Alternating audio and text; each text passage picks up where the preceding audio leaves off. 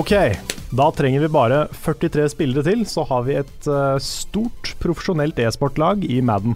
Yeah. Er du klar, uh, klar for det, Lars? Jeg er superklar. Altså, ja. Det gikk ganske bra i går. Det gikk, det gikk bedre enn forventa. Du er quarterback siden du fikk touchdown. Ja. Mm. Nå vet jeg ikke om det er quarterbacken som får touchdown. Ja, nei, det er det ikke. Nei. Det kan være det hvis han løper da med ballen hele, hele ned, ned Ja, hele banen. Er det ikke det som er heltene, liksom? De som gjør det? Ja, hvis du får til det, så er det jo, da er det jo konge. Det er Ja. de som alltid får dama i filmen. Ja, det er de som skjønner at de har gjort noe feil i livet. Ja. De har vært litt sånn arrogante, ikke sant? Ja. Og så fikk de ikke dama, og så ble de snille, og så fikk de dama. Riktig. Men det er også de største køddene i verden, fordi mange av de er bare sånn Nei, jeg skal løpe med den ballen selv, og så blir de bare takla hele tiden, og så Ja, de taper alt for hele laget. Ikke sant? Det er Ja. litt sånn egoister, liksom. Ja, jeg må da informere om at i Madden så kan du ikke være Du kan ikke eh, bekle alle rollene når du spiller online. De hadde en sånn feature for en stund siden hvor det kunne liksom være flere personer som styrte ett Ja, lag, ja, ett og samme lag. Okay. Ok, De har fjerna det. Etter det jeg har sett Ah, for meg. Jeg vet ikke. noe dritt? Ja. Ja, Da men det var, det, var, det var en spennende kveld i går. Det var det. Absolutt. Vi Um, var litt utafor komfortsonen vår og spilte, ja. spilte Madden på stream foran hele internett. Ja. Det var eh, Det var, en, eh, det var et event, altså. Mm. Ja, Skal vi si velkommen, forresten? det kan vi også gjøre. Uh, Velkommen alle sammen til Level Backup med Rune Fjell Olsen, med Lars Håkon Stormbakken og med meg, Carl Martin Hoksnes. Vi begynner jo vanligvis med å snakke om hva vi har spilt i det siste. Jeg Ja. tenkte jeg kunne begynne med noe annet i dag. Lars, åssen går det med deg? Har du det bra? Ja. Ja. Nei, det var veldig sånn Er, er det noe Nei, jeg tenkte det var hyggelig å liksom spørre hvordan det går før vi liksom Ja, nei, men det, det går bra. Jeg ble veldig sånn her jeg Følte litt sånn her Snorka jeg mye i natt? Ja, det- det- Eller er det liksom Ja, det gjorde du, men, eh, men det var litt sånn Oi, oi, oi, oi, oi, hvordan vet du om han snorka i natt eller ikke? Nei, Lars krasja på sofaen, Ja, ok. så det, var ikke mer skjønn enn det. Altså. Det, var, eh, vi skulle spille inn podkast tidlig i dag, og eh, stream seint i går. Tidlig. Ja. Klokka, er klokka er kvart over Ja, klokka er kvart over elleve, den er det. Men eh, vi sto opp tidlig i dag da, for å spille, spille Ja. podcast. Ja, det, det, det er ikke så Jeg syns ikke dette er så veldig tidlig. Det var jeg som foreslo det, Vi skulle jo egentlig gjøre det til tolv, så tenkte jeg la oss gjøre det elleve, da. Så Så det er du som er syndebukken. Ja. Og her sitter jeg og spør deg åssen du har det. Og, Jeg vil jo egentlig begynne ti, liksom, eller ni. ja, Ja, ja, det hadde funka bra for meg, det. mm. ja men da gjør vi det neste gang, da. Så- neste det er kjempe, Mm. kjempeplan. Ja, det er innmari klar for det. Åssen går det med deg, Rune? Nei, det går ikke bra. Det går ikke bra? Nei. Nei. Jeg skal snart dø. Er det såpass? Ja, Jeg er jo gammel, jeg er gammel mann, vet du. Ja, har du blitt Og så har jeg jo øh, alle, alle plagene mine. Jeg tror jo det er dødelig, ikke sant. Ja. Ja, Mm. det er noe med det. Altså, hvis du, det er lurt å google de, så finner du ut om du Ja da, det jeg har gjort det. Men ellers så går det fint, da. Ja, ja, men det er bra. Så Mm. Inaktivitet, vet du, det er uh, årsak til igjen, eh, største dødelighet. Uh, kommer du, vet du. Ja, Så var, du, så var, du, var du ute og løp i dag tidlig, eller? Nei, jeg var ikke det. Var du ikke det? Nei, jeg var ikke det. Du bare skrøt av det i går, liksom? ja. Jeg hadde, jeg hadde lyst, men klokka ble fuckings halv fire i natt.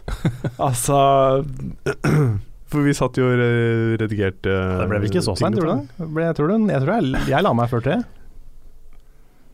Ja, kanskje. Jeg så på klokka halv fire, i hvert fall. Det var det jeg huska. Ja, okay. Og da var det Ja, så det er mulig. Ja, altså, vi drev, vi drev og klippte Madden-streamen, fordi mm. det var en del tekniske problemer og sånn underveis. Så vi tenkte at uh, kanskje vi skal legge ut akkurat den som litt sånn nedklipt høydepunkt-variant istedenfor full Altså, stream. den, den Det er en høydare, den streamen i Jeg- går, altså. Jeg tror den videoen kan bli morsom, fordi vi har liksom bare med det morsomme. Ja. Så det, det er blir- kult. det blir en fin halvtime med, med Ja. mye surr. Mm. Mm. Jeg var også oppe seint i natt. Jeg um, fikk jo en melding når jeg var ferdig med, med Sony-streamen. Um, det var noen som trengte hjelp i Walt of Glass, første Ja. Destiny-raidet. Ja, stemmer det. Det var jo bare da folk uh, som ikke hadde spilt det før. Um, Jeg skulle til å si hvem er det som trenger hjelp med det nå? Altså det er folk som har spilt Destiny siden lansering og ikke fått raida ennå, rett og slett. Oi. Uh, jøss. Eller med pauser, da. Det har ikke spilt ja, ja, konstant hele ja. tiden. Uh, Ja, det har gjort alt annet, bare ikke raid. Ja, så okay. blant annet av en eks-kollega av meg som uh, dissa meg voldsomt for Destiny. Og han hadde jo ja. gitt seg da med Destiny for lenge siden. Okay. Og det, det er altfor kjedelig og sånt, så spurte jeg om han hadde raidet. da Nei, han hadde ikke det. Men nå var første gangen. ja, okay. Det var kjempegøy, og det tar jo tid, så klokka ble vel halv tre, tror jeg, før jeg var i seng. Ja.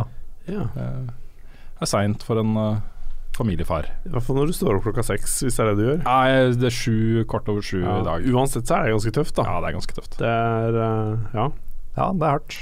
Men Jeg ser latterlig våken og frisk og Ja, du Ja, ser, er du ser, du ser ut som du er i holdt på å si, beste velgående. Ja, Så, så er det, det med døden og sånn syns jeg var litt tidlig. Men, ja, Jeg går ikke rundt og tenker på det. Nei.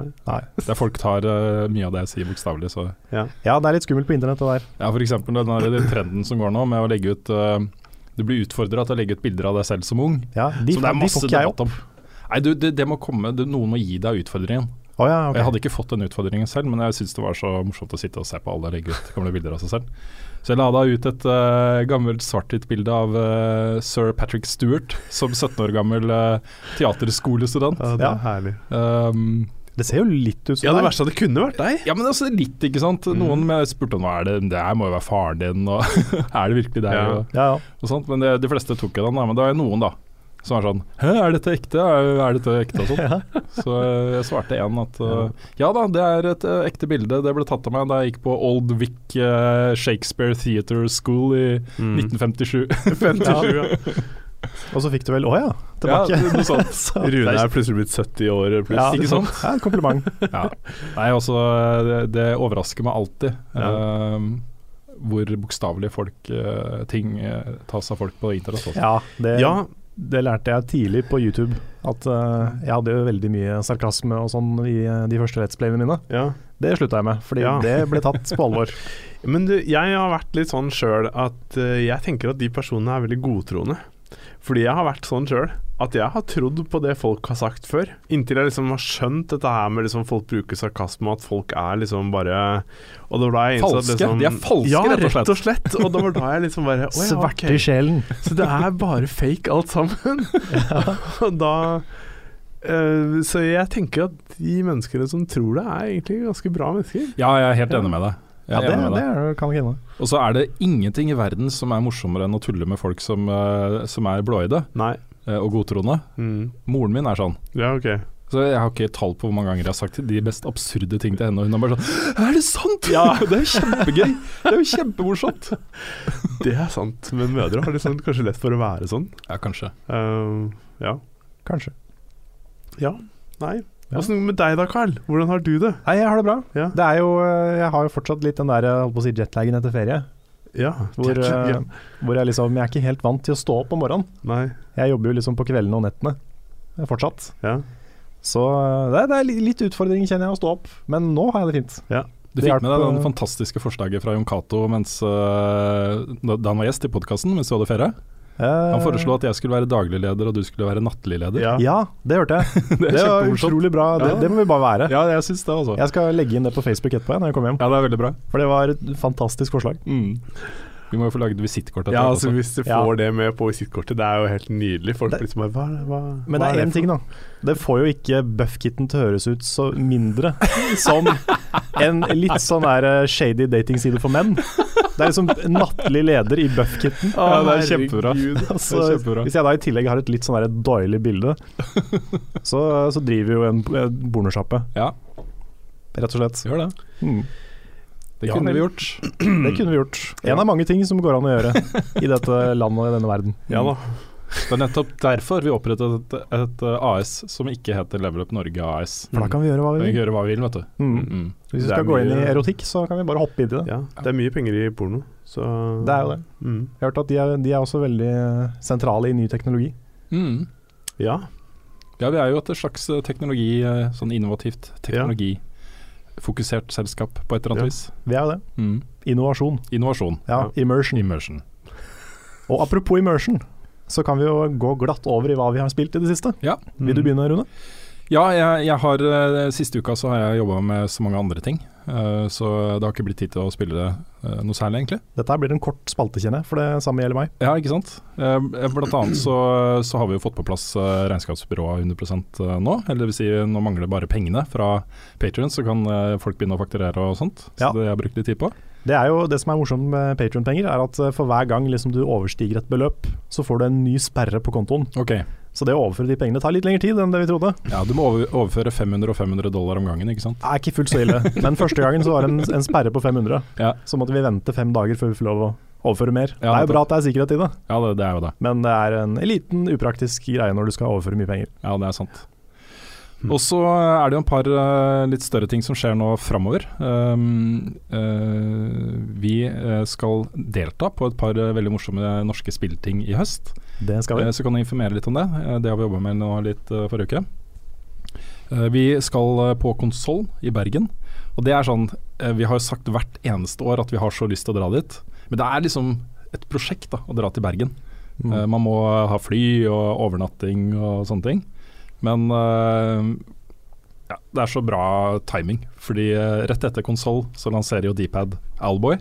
Stemmer. Så gyllen anledning til å dra bort dit og snakke med dem og, og sånt. Jeg sendte et forslag i dag til eh, Linn Sovig, som er eh, arrangør og, eller sånn organisator for uh, konsoll, og foreslo eh, live podkast på torsdagen. Oh, ja. Kanskje med litt gjester og få Dpad opp. Og Team Shafer kom jo, det hadde vært kult å få han som gjest i oh, podkasten. Da da hadde jeg blitt nervøs, men ok. Ja. Kult. Litt sånn Bokbadet, ikke sant. Ja. Det hadde vært kjempekult. Mm. Eller uh, Skavlan. Skal, ja. Eh, Med litt sånn, vi kan begynne å snakke litt sånn svensk. Har du lyst til å være med, Lars? Har du, er du opptatt eh, 20. til 22. oktober? det vet jeg ikke akkurat nå, Nei. men eh, jeg tror ikke det er noen skole akkurat da, så det er jo slett ikke umulig. Nei. Nei. Så, Roadtrip, eh, folkens. Roadtrip, nesten sånn som E3, bare at det er Bergen. Ja, bare at det er Bergen. Kult Bergen er så koselig og bra, da. Ja, det er en bra by. Jeg elsker Bergen. Det er fint i Det har vært den våteste sommeren noensinne i Ja. Bergen, har jeg fått med meg. Det har regna hele fuckings tiden. Ja. Nesten, da. Men her har det bare vært varmt, og her har den blitt våt fordi det er svett. så det er hyggeligere å regne bort, kanskje. Jeg vet ikke. Mm. Og så det andre store og morsomme vi skal på, er eh, Eclipse 2. Som er eh, Smash-turneringen til eh, Pressfire. Ja, blir jo noe av det vi snakka om? Ja da, det, det er jo opp til oss selv. Så Ja, vi kommer jo litt tilbake til detaljene der, men tanken der er at vi har en av de dagene det foregår, så har vi et opplegg hvor uh, folk f.eks. kan komme og utfordre uh, deg, Carl, og uh, kanskje Nick og Svendsen. Mm. Um, på et eller annet vis. Altså de beste folka våre i Smash, da. Ja. Tror det kan bli litt sunt, ja, bare få jekka ned de Smash-egoene deres uh, litt. Ja, ja, for det er, det er det som kjennetegner oss tre, føler jeg. At vi Ja, bare ikke går og prater Dere om går bare og snakker om det hele tiden, hvor Ja. gode dere er i Smash. Det er liksom noen, noen skryter av at de har draget på motsatte kjønn Mm. og sånne ting. Eller samme kjønn. Ja. Og vi, vi skryter av at vi er dritgode i Smash. Det er det hver, hver dag, altså. Ja, jeg syns også at vi bør ha en egen sånn intern uh, one, eh, one time Hva heter det?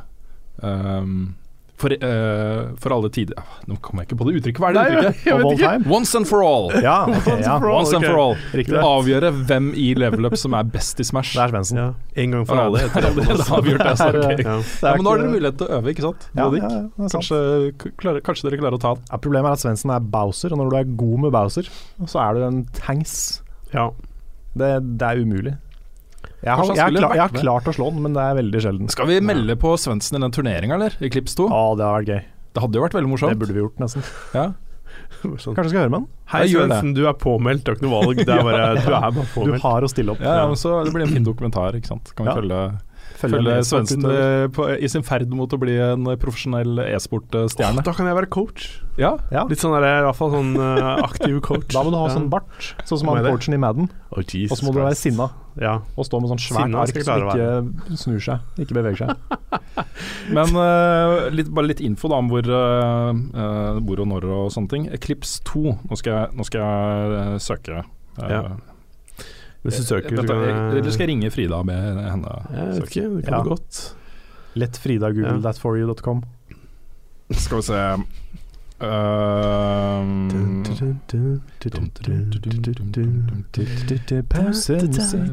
Men mens Rune googler, har du spilt noe spennende, Lars?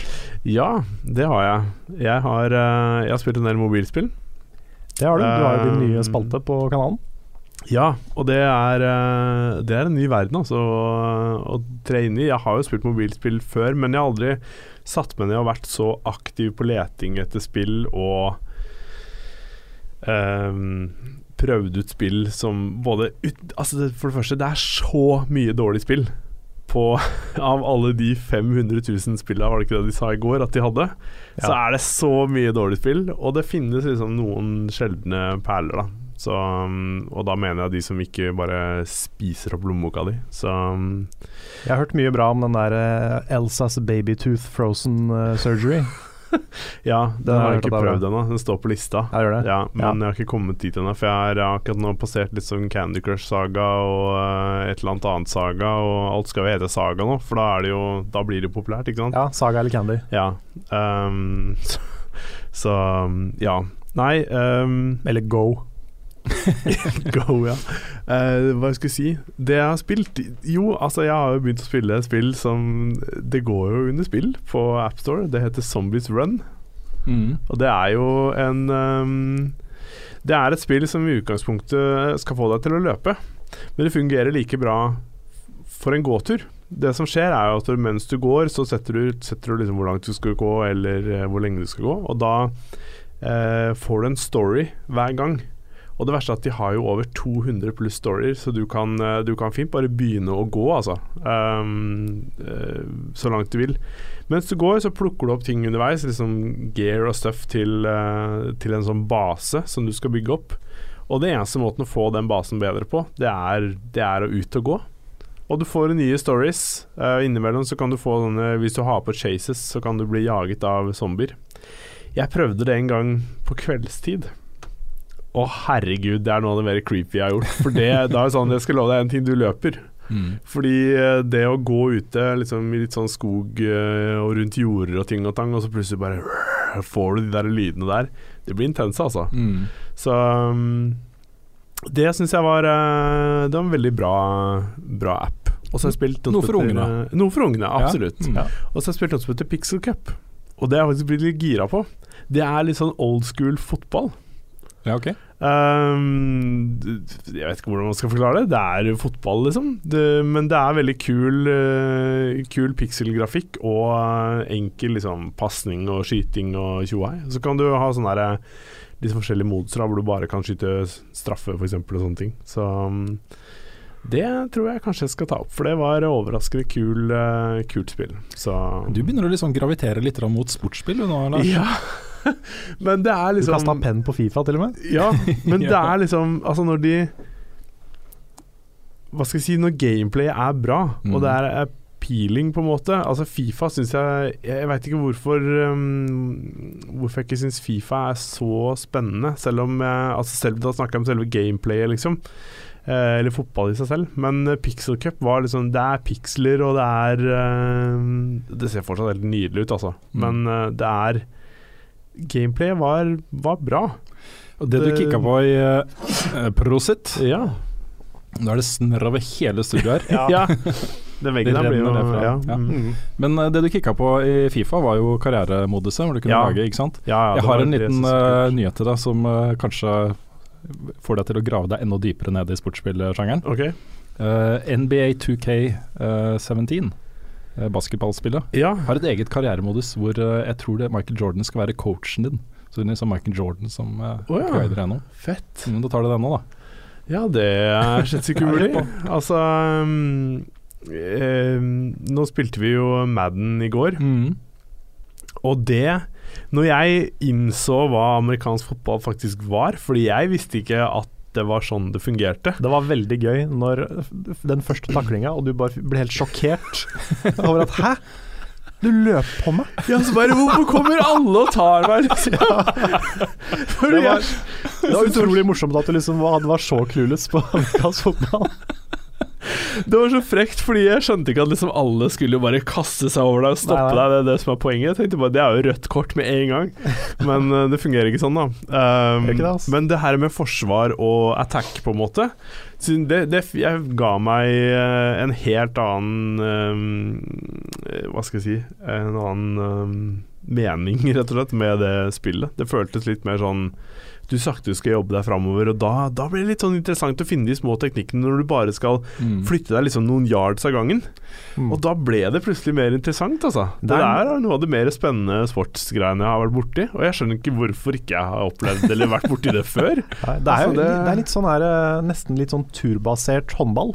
Ja, At du, det er faktisk sant. ja, at det er sånn har det- korte- hvorfor kaller de det fotball? Med, nei, si, det er, jeg har lest om hvorfor. Ja. Jeg husker ikke hvorfor det var, men det var en, det var en god grunn.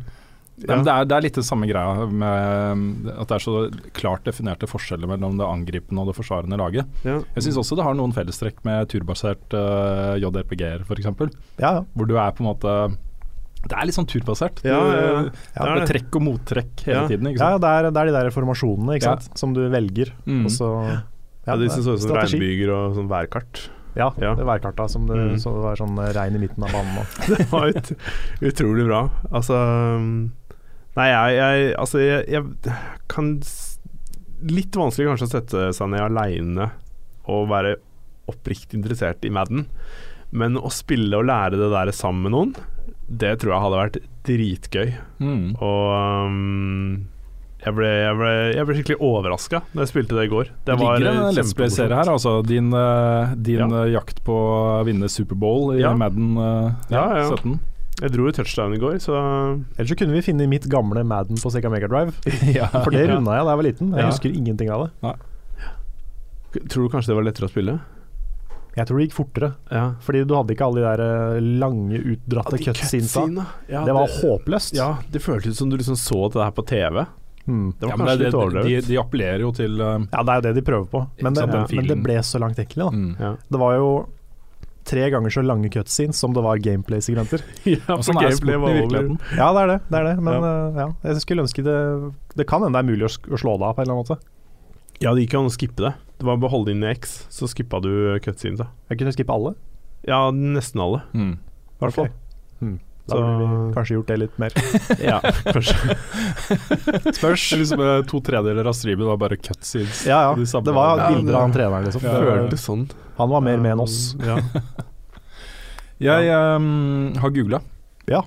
Uh, og det her blir jo en morsom uh, uke, faktisk. Fordi uh, konsoll er jo fra ehm, eh, eh, 20. til 21., tror jeg, oktober. Det er torsdag og fredag denne uka. Okay. Mens um, eh, Eclipse 2 er fra fredag til søndag. Altså den fredagen til søndagen. Ah, ja. Så de eh, glir over i hverandre. Ja. Så tenker jeg at det blir eh, Bergen på eh, torsdag og så eh, Eclipse på enten lørdag eller søndag. Vi kommer nok ikke til å være der begge dagene. En av dagene. Hmm. Ja, for det kan bli tight eh, program. Det blir mye å produsere og få ut. Ja, men det kunne jo vært sånn at vi kunne ha liksom flydd fra Bergen på formiddagen på lørdag. Mm. Landa på Gardermoen, og så er jo Eclipse 2 på Gardermoen. Mm. Ikke sant? Så kunne vi bare dratt dit, hatt opplegg, Ja. et eller annet. Mm. Det finner vi ut av. Ja. Det gjør Det, jeg gleder meg til den helgen også, det kommer til å bli kjempegøy. ja, herregud. Det, det tror jeg òg. Blir stas. Mm. Ja, har, vi, har noen av oss spilt noe mer som vi har lyst til å prate om? Ja, altså Jeg kan godt snakke litt om det, for jeg har spilt mer Battlefield. Mm. For de har jo oppdatert litt ting der. For det var jo eh, Jeg hadde litt problemer i starten med at det var eh, eh, Hva skal jeg si Problemer med hit detection på det spillet. Eh, og det viste seg jo at det var en bug, da. Wow. ja. Eh, så det har de jo fiksa. Og nå er, det, nå er det litt lettere og litt mer sånn stabilt, og snikskytteren eller sniper da, har blitt litt mer eh, presis og sånn. Du, du brukte et, et fullstendig akseptert norsk ord, og så korrigerte du til den engelske versjonen av det. Jeg beklager! Hva er dette her for noe? Jeg beklager. Jeg tenkte bare folk skjønte ikke hva det betydde. Ja, ok, sorry. Eh, Snikskyttere um, har blitt mer presise. Um, Heter det ikke sniperskytere? Jeg trodde det. Uh, ja, uff, ja. Men det var jo sånn du Ja, nei. Pæse vi snakka om i går. Ja, snakka om pæseballen. Altså, ja. Um, hva var det jeg skulle si, da? Jo, det er jo rett og slett det at det, det, har, blitt, eh, det har blitt litt bedre å spille det. Um, føles i hvert fall uh, ut som, da. Og det um, Jeg er spent på å se hvordan det spillet der uh, blir når det kommer ut. Jeg må si at eh, per nå så er det Jeg er fortsatt ikke så gira, altså. Nei. Det er, eh, det er overraskende hvor ensformig og likt det er alt annet. Det er ikke noe revolusjon. Ja, det er, en, det er forfriskende med liksom første verdenskrig og nye ting og våpen og hele den pakka der, men det er fortsatt uh, Jeg har spilt det før. Det er litt morsomt det der nå, fordi du ser det i, eh, ikke bare i spill, men Mm. eh, den derre wow-faktoren har Mm. forflytta seg litt. Mm. Mm. Eh, vi skal straks ha nyheter, da skal vi snakke om Apple sin pressekonferanse. Ja. Men der var det jo da var det jo ikke den nye iPhonen som leda den pressekonferansen, det var et nytt spill, ikke sant? ja. Mm. Og når, folk, sk- når du leser artikler i vanlige aviser om den pressekonferansen, Mm. så starter det jo ikke med 'her er den nye iPhonen', liksom. Nei. Det er jo 'dette kommer til den nye iPhonen'. Ja, det er Mario, liksom. Ja, ikke sant. Mm. Og dette er øh, Det er litt det samme i spill. Mm. Også du klarer ikke å wowe folk med pen grafikk lenger. Nei. På samme måten som du kunne før. Nei, det er sant. Nei, altså de, nei, de sliter jo kanskje med å innovere veldig mye nytt i både design og tjohei på disse mobilene sine, både i den ene og den andre leiren. Så jeg skjønner jo det at Og de har jo skjønt at spillet er riktig her. Og de Mm. har jo valgt eh, det å samarbeide med Nintendo. Ja, ja, men vi tar det, vi tar det i den eh, andre spalten. Gått riktig, riktig vei, altså. Så ja. Ja. Nei, men eh, Battlefield 1 er um, Vi får se når eh, det kommer ut, og vi får kjørt en anmeldelse på det. Mm. Eh, jeg kan ta kjapt eh, Jeg har ikke spilt så mye nytt, men jeg har jo spilt ferdig Earthlock. Festival of Magic. Mm. Den anmeldelsen kommer eh, så fort som mulig. Det er, Jeg må se an litt Vi skal klippe Månedsmagasinet nå om kort tid, fra vi spiller inn dette her. Så mulig jeg må prioritere det først. Og så kommer Earthlock etterpå. Um, og I tillegg da så har jeg begynt å jobbe med et nytt klassikerinnslag av Diddy Kong Racing. Oi, oi, oi. Og det er uh, kos. Mm. Det gikk jeg tilbake til. Jeg hadde liksom ikke sånn superforventninger i og med at det var så gammelt. Det var, det var vel nesten, hvis ikke et av launch-spilla til eh, Nintendo 64. Mm. Men det er fortsatt bra, altså. Det er dritgøy. Kult. Og jeg liker det, det Dette er kanskje litt sånn å banne i kirka, men jeg liker det bedre, faktisk mye bedre enn Mario Kart 64. Mm. Og det er liksom et sånn eventyr. Det er en, sånn, det er en story mode, og det er, eh, det er sånne ballonger som du samler på for å låse opp nye baner, og det er, liksom, det er så stort. Mm. Og ja, det er sånn, sånn skikkelig bra uh, singleplayer racing-spillopplevelse. Kult. I litt sånn Mario Kart-stil. Så Jeg husker det veldig godt, jeg også. Jeg var veldig glad i det spillet. ja, det var kongespill. Mm. Og så var det en boss som jeg aldri uh, klarte. Det er han Whispig som, uh, som du låser opp etter å ha tatt alle, alle banene. Og den, det innslaget her kommer til å handle litt om liksom mitt forsøk på å endelig slå han. For det, det har vært en sånn ting som jeg bare aldri har klart. Ligger og murra i bakhodet det Da er er det. liksom hele livet ditt. Så nå er det The Reckoning Ja, okay. med, med Whispig. Mm. Da er det tid for nyheter, og det er eh, på tide å snakke litt om Sony og litt Apple og diverse. Hvor skal vi begynne? Ja, hvor skal man begynne? Jeg vet ikke. Jeg har litt lyst til å begynne med Apple, jeg. Okay. Um, rett og slett fordi det var eh, Det var en sånn derre liten bombe som smalt uh, mens vi satt og streama Madden uh, i går.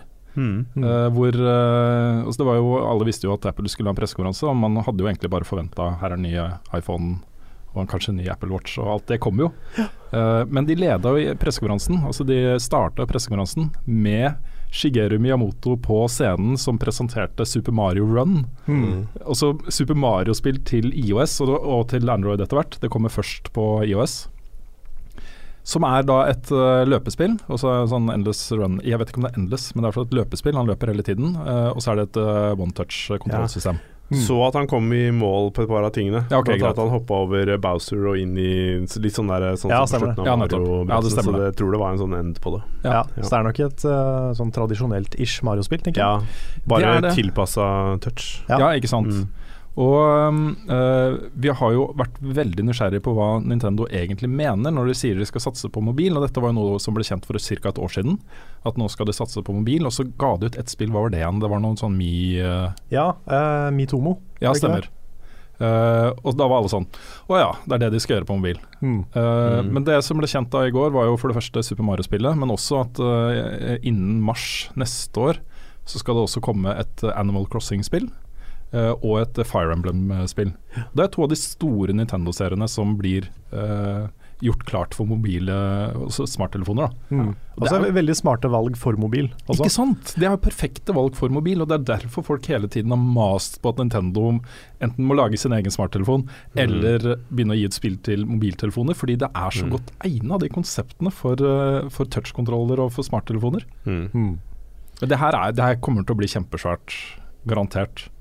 Og hvis folk eh, angrer på at ikke de kjøpte aksjer i Nintendo før eh, Pokémon Go kom ut, så tror jeg det kan være en, et smart trekk å kjøpe noen aksjer nå i høst også, Ja, før, ikke eh, sant. før Ja, det kommer.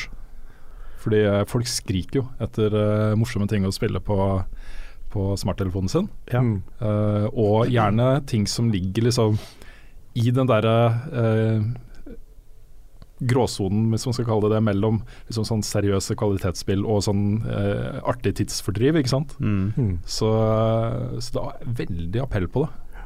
Mm. Vi så jo også på pressekonferansen til Apple i går at eh, Pokémon Go er lasta ned en halv milliard ganger. Ja. Ja, en halv milliard. en halv milliard ganger. Det er noen ganger. Altså Det markedet der er så inn i helvete svært. Eh, og det er liksom Potensialet i det er bare helt ekstremt, og jeg føler ikke at eh, det potensialet er i nærheten av tappa ennå. Så det kommer til å skje så mye på mobile plattformer etter hvert, og den kommer til å bli kraftigere og kraftigere, og etter hvert så er det en spillkonsoll liksom, som du kobler opp til TV-en. Og, og så, det er så mye gøy som skjer da. Mm. Så, så selv om dette er sånn relativt et enkelt spill, liksom, så kan det bli kjempegøy. Ja, sant. Det var én ting som bekymra meg litt i går. Det var Ja. når vi sjekka det på, eh, på iTunes, eh, ikke iTunes, men App, App Store. ja, på AppStore. Da sto det du, du kan jo liksom eh, få beskjed når du kommer. Så sto det også 'kjøp i app'. Ja, tilbyr kjøp i AppStore. Tilbyr kjøp i app. Ja. Og da, da sank det litt, følte Ja, men, jeg. eh, For det, hvis det er, mikro, altså hvis det er kyniske Nei, nei, men det det er- Det det er, Karl, Mm. er at det, det spillet vil være gratis å laste ned, men hvis du vil ha hele spillet, så må du betale. Ok, Så det er, det, sånn det er freemium- freemium-spill. Det er okay. fair i så fall. Og du er sikker på at det er det det Det, blir? det har de sagt. Det er det de har sagt. Fordi, fordi da er det greit, hvis du liksom får lov å prøve det gratis, og du så kan uh, bare Hei, dette er fett, jeg kjøper hele. Da, da er det helt greit. Mm. Mm. Men hvis det Når vi, vi satt og tenkte liksom bare sånn her Ja, du kan få flere coins eller ekstra liv Ja, eller for hvis, å det, hvis det blir sånn, så blir jeg lei meg, liksom. Ja, det går Hvis jeg ser det fra Nintendo, så er det Mm. trist. Ja. Så for får får håpe de unngår det.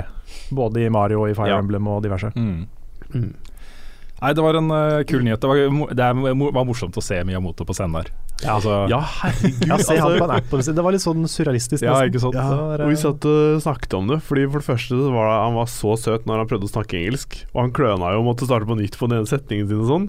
Og så kommer det litt lenger ut med den der oversettelsesdelen, så står han der og later som han spiser et eple og sånn. ja. Og jeg sa bare det, det er ingen andre som kan stå på en scene og gjøre det han gjør.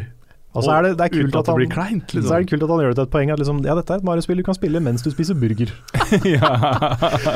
Eller et eple, og så gjorde han de greiene der. Og det var sånn Hadde en amerikansk liksom, utgiver som gjort dette her, det hadde vært helt på trynet. Mm. Altså Når han gjør det, så var det litt sånn, litt sånn endearing. Ja, eller- sjarm. Ja. ja, men de er, han er jo supersjarmerende. Ja. Mm.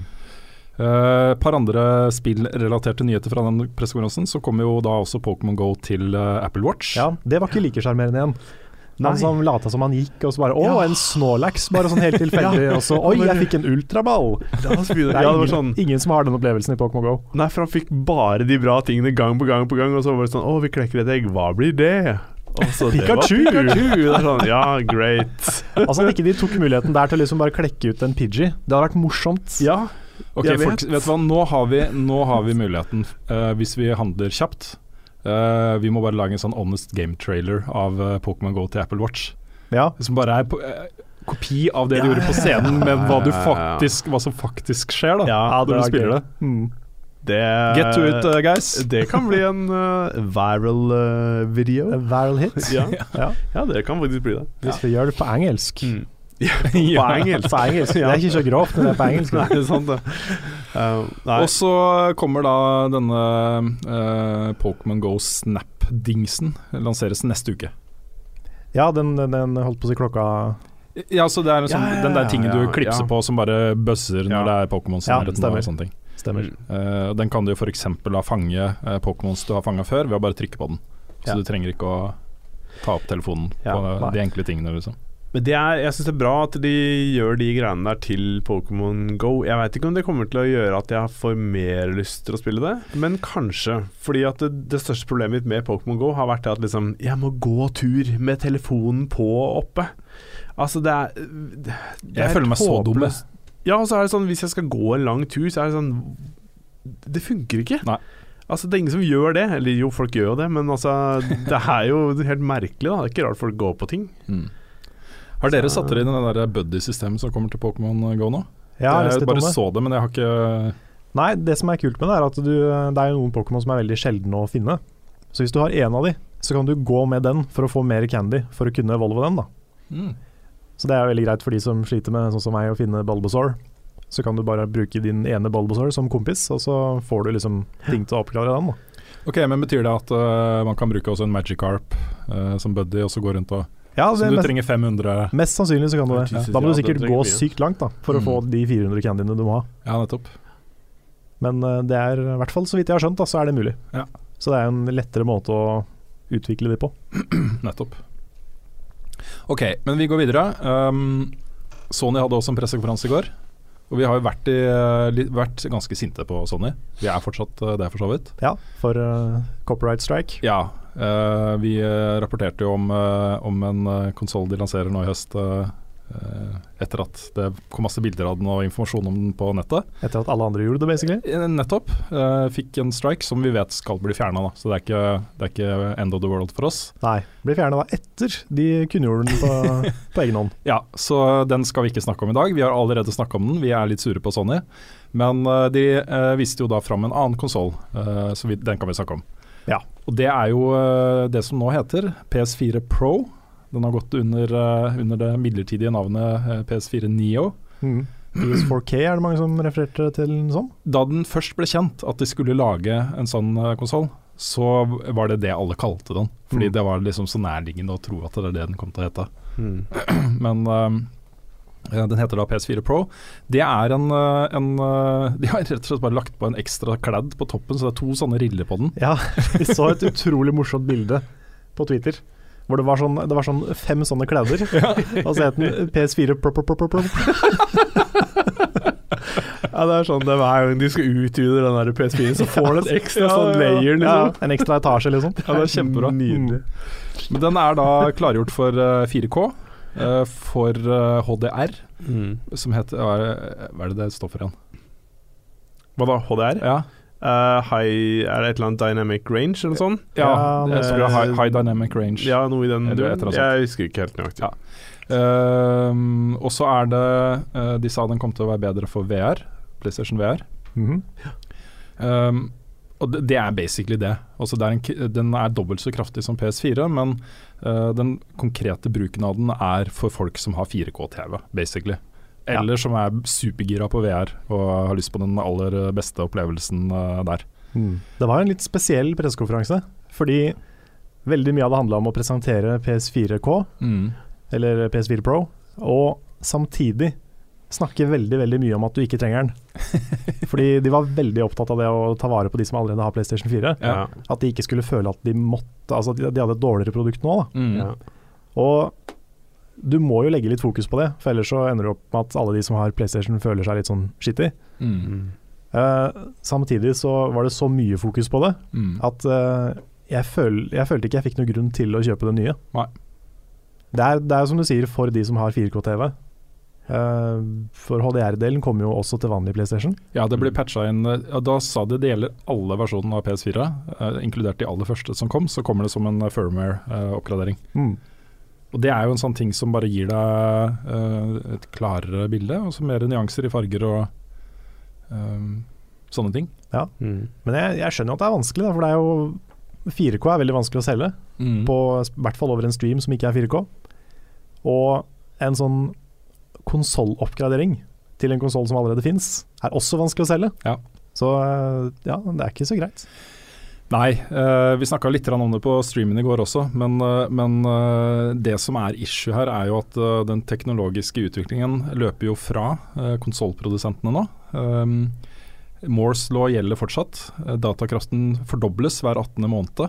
Mm. Eh, og det er jo en sånn kurve som ikke går sånn slakt oppover. Den går jo først liksom slakt, og så går den brattere og brattere til den Mm. bare går rett opp. ikke sant? For det er jo altså, dobbelt så mye av 1000 er 2000, mens dobbelt Mm. så mye av 1 er 2, liksom. Så, Ja. så, eh, så det de risikerer hvis de bare gir ut en ny konsoll hvert 7. og 8. år, som er vanlig, er jo at uh, PC-spillerne vil jo ha bare vanvittig mye vakrere og mer avanserte spilluniverser enn det er på konsoll. Mm. Ja, Men blir det ikke vanskelig for PC også å følge med, da? Da må jo folk kjøpe nye PC-er hele tida. Jo, ja, det er for så vidt det, men uh, de aller fleste som kjøper ny PC, de legger seg jo på en måte et hakk eller to under, uh, under toppmodellene. Mm. Der er, det- er- altså, det er, der er det blitt ganske billig. Der kan du få mye bra for en billig penge. Ja, det er sant. Så du trenger ikke lenger å tenke og, uh, og føle på det av kroppen at du må bruke 30 000 kroner på en ny PC. Nei. Kanskje det holder med 10. Da Mm. får du en fullt akseptabel PC som gir deg mye bedre grafikk enn den gamle du hadde. ikke sant? Ja, Mm. ja, men nå tenker jeg litt sånn i framtida, da. Ja. At hvis det fortsetter å vokse så fort, så vil jo PC-en din være utdatert fortere også. Ja da, det kommer til å skje. Um, Ja, Det spørs litt de, hvor flinke de er til å faktisk lage spill som krever Altså som drar nytte av datakraften nå, da. mm. Mm. Fordi de må jo klare å henge med der og hvis det skal være noe poeng. Ja. For ellers er det litt sånn som vi snakket om at uh, vi følte litt det at uh, grafikk kanskje ikke er blitt så viktig lenger. Åh, jeg har en helt uh, fantastisk tweet her fra okay. uh, Ja, jeg leste den. Det var den du retweeta i stad. ja, det stemmer. Jeg hadde lyst til å ta opp den i podkasten, for den synes var veldig bra. Ja. Ja, det her er fra Mike Drucker, som er Det står på Twitter-profilen hans. Han er co-head writer for uh, Bill Nye Saves the World. Mm. Ja. Han er writer for uh, Tonight Show, uh, Saturday Night Live, Nintendo, IGN. Mm. Komiker, co-host of How to be a person and the room where it's happening. Mm. Ja, ok. Han har gjort mye rart. Eh, var bare eh, Video industry, kolon. You ready for new cutting edge graphics? Me. My favorite game this year was about a depressed park ranger. Ja, ja. Men det er så sant. Ja, det er så sant. Og det sier så mye om eh, at uh, hvor spill er nå, og Mm. hvor out of touch kanskje mange av de konsollprodusentene og hardwareprodusentene er, da, Mm. med hva de prøver å selge på. Ja. Og eh, ja, det, det har jeg egentlig tenkt på lenge. Det, er jo, det, det blir jo mindre imponerende for hver gang.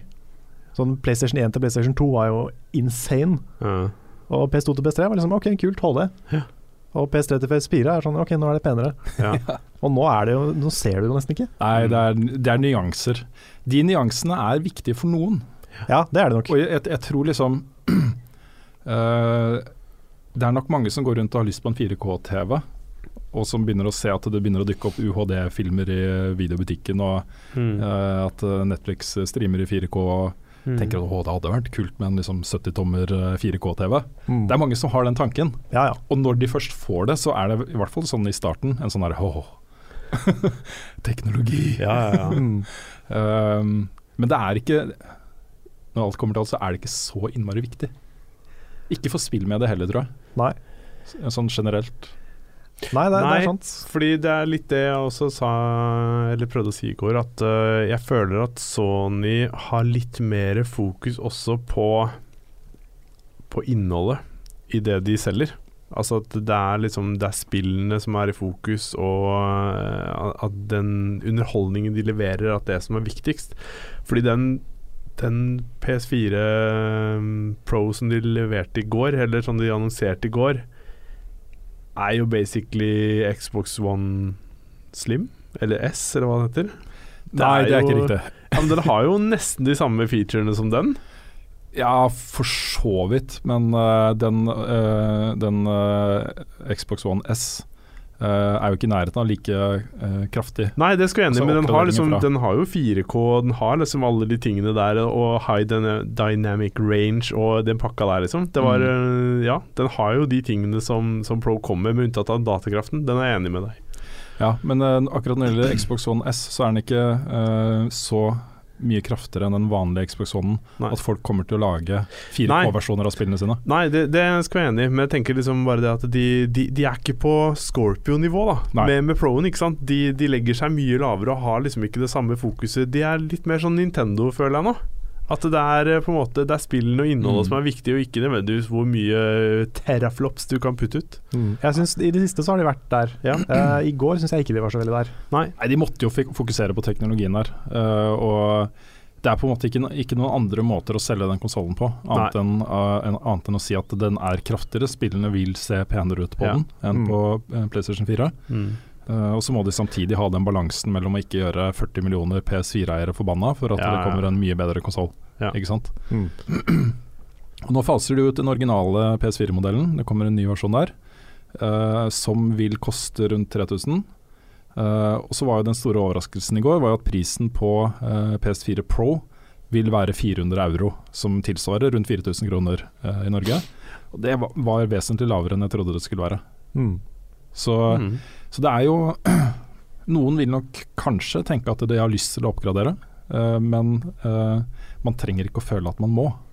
Nei. For alle PS4-spill vil jo komme til begge to. Mm. Eh, det vil bare være eh, 4K-muligheter på eh, eh, Pro-versjonen. Ja. Og du må jo ha en 4K-TV for at det er ja, jeg skulle Liksom. til å si at skal du oppgradere, så hjelper det ikke å bare oppgradere PS4 hvis ikke du har 4K-TV. Nei. For da skal du dra nytte av det den gir deg, så må du ha en TV som kan fikse det, og kanskje vurdere VR. Mm. Ja. Mm. Jeg vet ikke. Jeg, jeg er jo litt sånn teknoglad. Jeg syns ny teknologi er morsomt, så jeg har lyst på en. Mm. Ja. Jeg har virkelig. Jeg kommer til å kjøpe en. Ja. Uh, og jeg kommer sikkert til å enten stjele med meg den 4K-TV-en vi har på kontoret hjem, eller kjøpe meg en. Mm. Så jeg er nok der også, personlig. Ja. Jeg ser på meg sjøl som ganske sånn, i hvert fall sånn skjermgeek. Uh, jeg er ganske opptatt av liksom ha en bra skjerm og fine farger og sånne ting. Men jeg føler ikke det behovet ennå. altså. Kanskje ikke jeg er så skjermgeek som jeg trodde jeg var. Nei. Men uh, Nei, men det er jo sånn som den Twitter-meldinga jeg leste opp i stad. mm. Hvis jeg ser tilbake på de kuleste spillopplevelsene i 2016, så er det jo sånne ting som The Witness, uh, Inside, Mm. Uh, Firewatch er jeg ikke like gira på som deg, men jeg har heller ikke spilt gjennom uh, Lars. Nei. Så det kan jeg ikke si noe kategorisk om ennå. Nei. Men det er jo ting som overrasker meg på andre måter, Mm. og som treffer meg på andre måter enn bare med vanvittig blendende vakre verdener. Da. Ja, for det er også litt det når de eh, viser dette her Call of Duty i går med eksplosjoner og alt, det er så kult sånn, så sitter man der og bare Ja, men det er jo Ja, det ikke er noe kanskje litt penere. Ja, Ja, ikke sant? Men jeg, jeg, jeg blir ikke imponert. Nei, men jeg tror akkurat eh, Det er derfor det ble litt sånn komisk. Ja. Vi så det jo i tillegg liksom i 720P via YouTube. Ja. Ja. Og jeg begynte å le når Frida snøyt seg mens han ene prata. For du hørte det så Det var så, det var så veldig sånn lav, sånn low-key spill. ja, ja. ja. Det var det. Veldig behagelig stemme. Du kunne sovne til den pressekonferansen. Ja, ikke sant. Men uh, Men også akkurat den scenen da hvor, fra Call of Duty Ja. hvor de er veldig i nærheten av sola. Det er en sånn rombase som har drifta ut av kurs Mm. og som nærmer seg sola, liksom. Mm. Hvor det å være ute uh, i direkte sollys dreper deg, liksom. Jeg ser jo for meg at det kommer til å bli ganske fett på en 4K-TV, liksom. En skjær Ja. 4K-TV Ja. i 4K. Ja. Jeg tror det, altså. Ja, absolutt, men samtidig så er det litt både Ja. Ja, kanskje det blir heftigere immersion da med 4K, men samtidig så er det sånn Jeg blir ikke Jeg blir ikke blenda eller får noe wow-faktor av disse her eh, De tingene de spillene leverer. Det er um, du må tenke litt sånn forward compatibility. Ja, ja, selvfølgelig. Ja. Ja, for det var jo det et begrep de lanserte. Det nye buzzwordet. Ja, ikke sant. For det er mange gamle spill som kommer til å eh, bli oppgradert Ja. til eh, pro-versjon Mm. uh, via en, en nedlastbar patch. Uh, de viste jo uh, Ja, hva var det de viste der? Av ting som Jeg hadde tenkt på hva, hva som finner noe nå. Det er jo det at eh, HDR og alle de tingene vil jo komme på PS4. Nei, nei, vil jo oppdateres, eller hva? Nei, jeg bare tenker på Fordi eh, det er jo en del gamle spill som allerede har blitt lansert på PS4. Ja, som, ok. som nå Ja. kommer i PS4 Pro-versjon, eller får en patch da som gjør det at du kan spille det i 4K. Ja, Mm. det er helt nydelig. Det er vel Uncharted, blant eh, annet. Ja, ikke sant. Ja. Ja. Jeg synes det, det som er litt interessant, er at eh, en pressekonferanse som dette her, som sikkert hadde vært kjempestor og kjempespennende for noen år siden, når teknologien ikke, var så, ikke hadde kommet så langt, er jo ikke så spennende lenger. Mm. Så jeg er spent på hva liksom den der store, den der massive PR-maskinen som er spillmediet, eller altså spill, uh, salg av spill, sånn som E3 og sånne ting, hva gjør de når de ikke kan eh, selge seg på grafikk lenger? Mm. For de har gjort det i alle år. Helt siden liksom Atari og før det. Så har de solgt seg på grafikk, og det Mm. kan de ikke gjøre igjen lenger snart. Nei.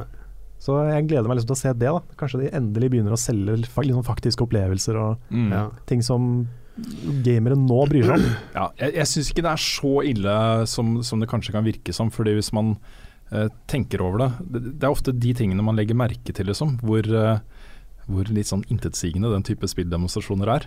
Ja. Som, som åpenbart bare er laga for å imponere deg med, eller hvor stort det er og Mm. flott og sånt. Mm. Og så reagerer vi jo mer på det nå enn vi gjorde før.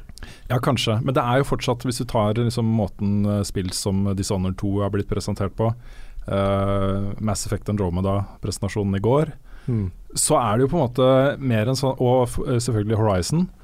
Så er du jo Du er jo inne i spillet, på en måte. Du får en faktisk presentasjon av, av hva man gjør i spillet. Mm. Eh, Ja, det, det, det syns jeg er bra. Ja, Når du får der, de der lange Ikke sant? gameplay-stekka. Så det gjøres jo mye av det nå også. Det er sant. Det er ikke bare sånne Feshaw-prestasjoner. Nei. Nei, de har blitt bedre på det. Det har de. Ja, det, det er bare å gå tilbake og se på E3-presentasjonen til Sony, og den greia de hadde i går. Det er jo to helt forskjellige ting. De klarer jo Altså, de eide jo E3. Mm. Og, men når de begynner å snakke om dette her, de tekniske greiene de hadde i går, så, så er de jo de er litt klønete i forhold. Ja, de har eh, for, for noen år siden så tok de et ganske eh, riktig og smart eh, strategisk valg. eh, som gikk på hvordan skal vi presentere oss selv eh, in public på pressekonferanser og sånne ting. Mm. Og det var i en periode hvor alle de store spillutgiverne skulle være skikkelig sånn bajaser på scenen, og alt skulle være så kult og Ja. ja. hipt og sånn, ikke sant. Ja. Og så plutselig står Sony der på scenen med de blå skjortene sine og eh, dressjakkene sine og er liksom bare veldig to the point. Eh, ikke noe sånn masse grafer og, og sånne ting, liksom. Bare veldig eh, Mm. direkte, da. Mm. Eh, og eh, eh, faktaorienterte og rett på sak. Ja. Mm. Eh, og det er sånn, det har de fulgt hele tiden etterpå. Og det har gitt det en ganske sånn Jeg, jeg syns det var et veldig klokt valg. da Mm. Du får et ganske seriøst inntrykk av dem. Ja. ja, for når, eh, når Xbox De har jo gjort mye forskjellig, men eh, de prøvde seg jo i mange år på å være litt sånn bro, Ja, ja. og det ble altfor bro. Mm. Da følte jeg at dette var ikke for meg lenger. Nei. Dette var for liksom han der quarterbacken på skolen. Mm. Det var han som de skulle selge Xbox til. Ja, ikke sant. Så, Og det var jo kjernepublikummet deres i USA. Ja, det var kanskje det. Ja. Og de hadde jo liksom, Da hadde jo de Call of Duty, og de hadde alle de sport- sportsspillene på 360 og sånne ting. Mm. Så, ja, Halo. Ja, Halo. Det var eh, De var kanskje veldig der. Ja. Men sånn som den pre pressekonferansen i går, der var det jo veldig sånn faktaorienterte. Den ble kan kanskje virke litt kjedelig, men det var jo det jeg mener det er det folk ville ha. Du ville ha bare en konkret Ja. prestasjon, og når Mike Cerny står der og bare ramser opp hva denne konsollen er på en litt sånn, Det hørtes litt sånn sarkastisk ut. Vi Ja. kommenterte det i streamen også. Ja, det gjorde det. Uh, men det er veldig sånn faktaorientert, og jeg, jeg syns det er på en måte riktig måte å gjøre det på. Ja, ja, som jeg sa i stad, så tenker jeg at jeg vet ikke hvordan man ellers skulle solgt en eh, PS4 Pro. Nei. Ja, man kunne gjort det sånn som Nvidia, prøv, nei, Nvidia sier jeg, uh, Nokia prøvde å selge Engage på E3. Ok? med litt sånn underage uh, jenter som uh, dro opp uh, toppen sin, og det sto releasedatoen på magen, liksom. Oi. Ja, nei, det, det har jo blitt bedre siden da. Det har blitt litt Det, bedre. det kan vi kanskje fastslå. Mm. Eller så må de begynne å lage sånne Apple-reklamer som er sånn der skikkelig close-up på ting, og bare sakte glir over, men en bare liksom Dette er cutting edge-plastikk Ja, de som der- er satt sammen med nydelige linjer. De reklamene Altså. i går for den der svarte iPhonen, det er jo sånn der tech-porno. Eller Det er det. manufacturing-porno. Det er det! Det er helt drøyt, altså. Der I slow-mo og sånn. Ja, Ja, sånn sakte sånn der rotering av den derre mm, se her har vi filt denne lille knappen. Åh. Hvordan det liksom bare freser ut aluminium. Ja. ja. det er helt uh, enormt. Altså At de får dette her til å bli så fascinerende, er jo fascinerende i seg selv. Ja, og så har vi bada den i sånn her uh, lysegrå drit som vi bare kaster nedi, og så bare ser du det roterer rundt i slow motion. Ja, ja, ja. Den Det spruter litt på sida. Å, det er så bra! Det er jo liksom Det er ikke sikkert noe av det er ekte. Egentlig. Nei, altså det er ikke sikkert sliperne ser sånn ut. Det er sikkert en sånn grå, trist fabrikk de driver og lager de greiene der. Ja, altså jeg, jeg tror faktisk det de gjør er ekte, men når de viser det på den måten, så må man jo bare sitte der og le. Fordi Mm. det er så overdrevent Mm. weird, liksom. Det er sånn derre ja, det er kult, men det er jo ingen som forstår hva dette her egentlig gjør. Og Ja. de bruker ord som bare 'hæ, det har jeg ikke hørt før', hva betyr det? Og så er det liksom bare de, Ja. Ja, og når de, når de beskrev de der nye øretelefonene som magiske flere ganger Ja, altså De bruker ord og uttrykk som er liksom helt ja, weird. Men um, ja, de får det til, da. På et eller annet merkelig vis. Jeg veit ikke. Det Jeg vet ikke jeg heller. Eh, på et eller annet tidspunkt så kommer Ja. Apple nå til å slite med å selge nye iPhoner. Ja. Eh, hvor det kommer Ja. Og har jo allerede kommet massevis av alternativer som er vel så sexy å se på Ja. og bruke, liksom. mm. Så det er ikke like lett for dem nå, altså. Men dette er sånn honest trailer-greie, dette òg. Ja, Og vi bare roterer i sånn grå slurp mens det liksom kommer sånne ja, magnetiske stalaktitter opp. Og Ja, nå liksom. så jeg for meg liksom at en sånn slow motion-bilde av en av oss som bare får sånn dressing søla på ansiktet. Drypper ned fra skjegget og liksom bare mm, Deilig munchies burger. Ah, Jesus, altså. Ja, nei, vi må gå litt videre. Eh, eh, siste vi kan si om, eh, om PS4 Pro, er jo en litt sånn forlengelse av, eh, av eh, at det var en ganske nøktern pressekonferanse. Fordi eh, de brukte jo hele greia på bare snakke, snakke, snakke litt sånn droning on and on about. Mm. Ikke sant? Mm. Og så til slutt viste den fram, og det ble jo et veldig sånn antiklimatisk øyeblikk. For, her, og her er den. Ja, det er sant. Altså, jeg var sånn Ja, kommer det noe mer? Eller skal vi bare se den litt på avstand? Ja. Så sånn, ja. Ja. ja, den har to riller, ja, riktig. Og så er det sånn mm, Ja, det er litt som å sette opp en vits og så bare levere den med en veldig sånn tam punchline. ja. Sånn, ja. ja, så var det nordmannen, da. Ja. Men det var Ja. den, den er jo cool-ish. Ja da, jeg vet ikke. Den lanseres i hvert fall 10. november, så det er ikke så innmari lenge til. Nei, etter VR. Etter VR, for den kommer i oktober. Mm. Mm. Uh, jeg husker ikke når uh, Dpad slapp nyheten om uh, lanseringsdatoen for Outboy, men jeg tror det var etter vi spilte inn forrige podkast, eller nevnte vi det forrige gang? Nei, det var etter. ja, det var etter, ja. Det er da 1. november. Mm. Um, utrolig kult at det har fått en dato. Det Mm. føles bare så morsomt. ja Det endelig kommer. Ja. Det gleder jeg meg til, ass. Ja, det blir kjempegøy. Det blir kjempegøy. Jeg er utrolig spent på hvordan det spillet gjør det Mm. internasjonalt. Jeg tenker liksom at eh, de gutta der er så flinke.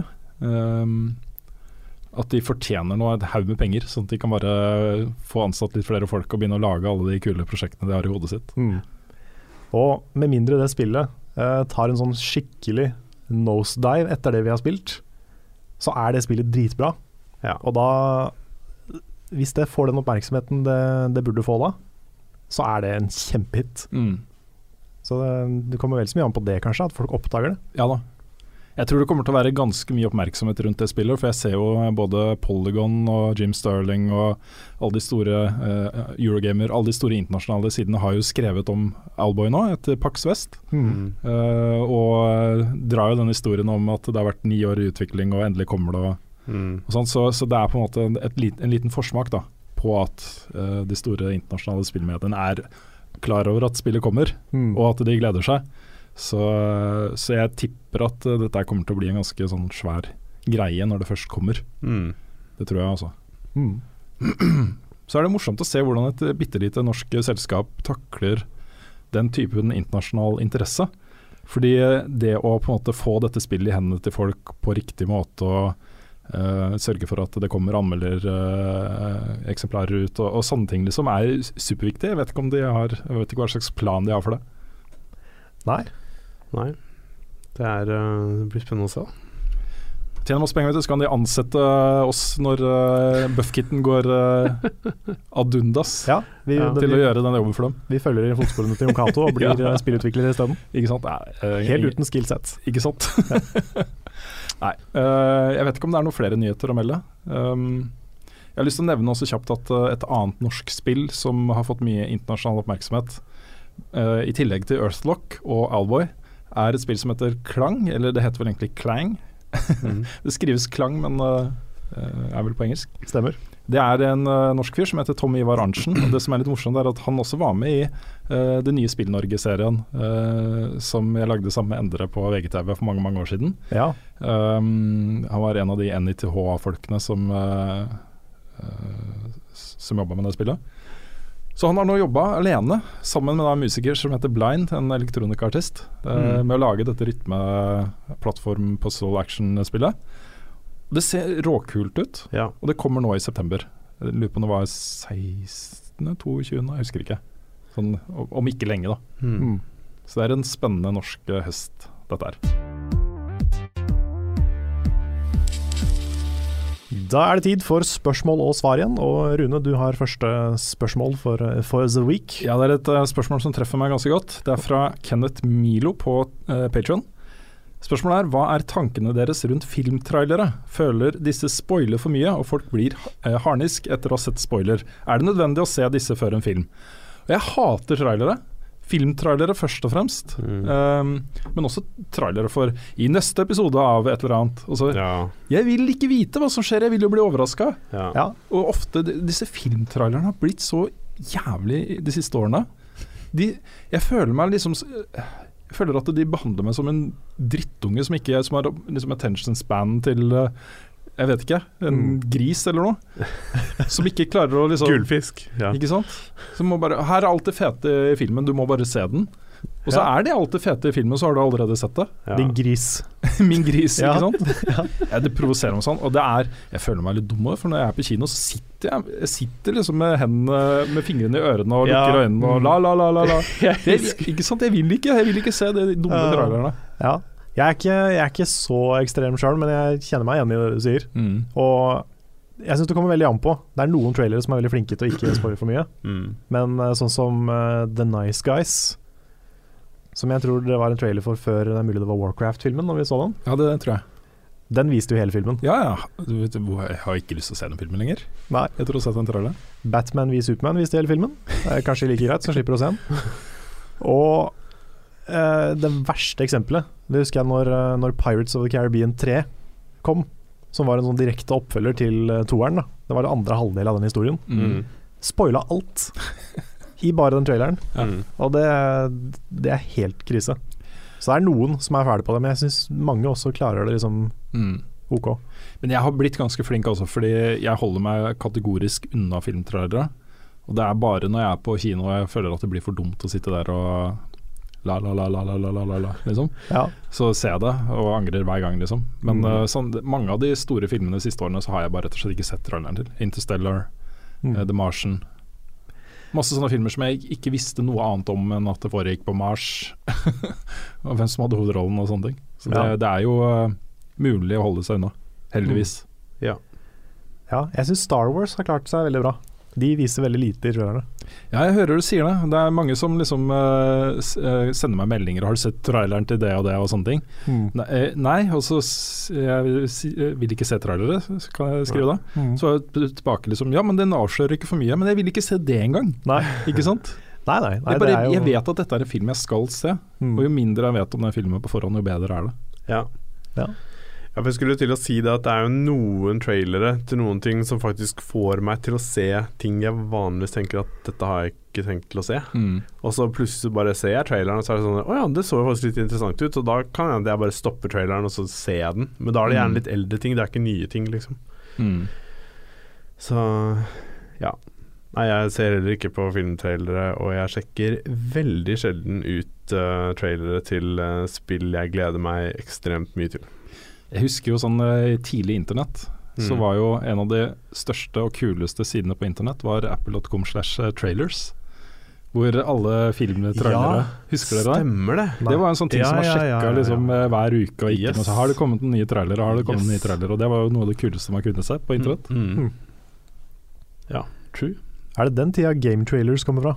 Kanskje? De prøvde å, kom, de prøvde å konkurrere med Apple trailers. Kanskje det. Maybe. For game trailer så var jo bare spilt trailer Ja, i starten så var det bare det. Jepp. Og nå er det ikke mer. Nei, ikke noe, ikke noe å le av. Men de er jo på Patron de også. De er det. Mm. De er, eh, det er en bra gjeng, faktisk. Ja. Uh, Easy Allies, som det heter nå. Mm. De, de er jo veldig samme situasjon som oss, egentlig. Og de lager mye kult. Mm. Så bra. De har mange munner å mette.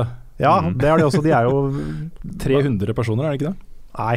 Det, det, er det ikke. Men de de får er 15 cent hver i månedslønn. Ja, ja de, de tjener jo en god del på Patreon siden de er amerikanske og sånn, men de, de er i hvert fall åtte Mm. på fulltid, tror jeg. Så de er en ganske svær gjeng. Mm. Yes, vi har et spørsmål fra Thomas eh, Kolshus. Han sier endelig kommer Nintendo med spill til smarttelefoner. På høy tid spør du meg, men hva med hardware? Tror dere Nintendo kommer med en egen smarttelefon en gang? Vi var så vidt innom det, men vi snakka ikke om det i stad. Mm. I hvert fall ikke det punktet. Nei, det er jo mange som eh, har spekulert i det. Også når, når det gjelder NX, så var det jo eh, spekulasjonene i starten gikk jo på kanskje det har en egen telefon som du kan ta med deg. Så det viser seg at det er en litt større ting enn en vanlig telefon. da. Um, Nintendo har jo selv avvist at de skal gjøre det. De har sagt at det er ikke noe vi vurderer. Um, Men jeg tenker at uh, det kan man ikke kategorisk si i dag. Nei. Det, er, det kan godt tenkes at eh, den aller mest fornuftige tingen for både Sony og Microsoft og Nintendo i neste omgang, eller i omgangen etter der, er å liksom lage en egen smarttelefon.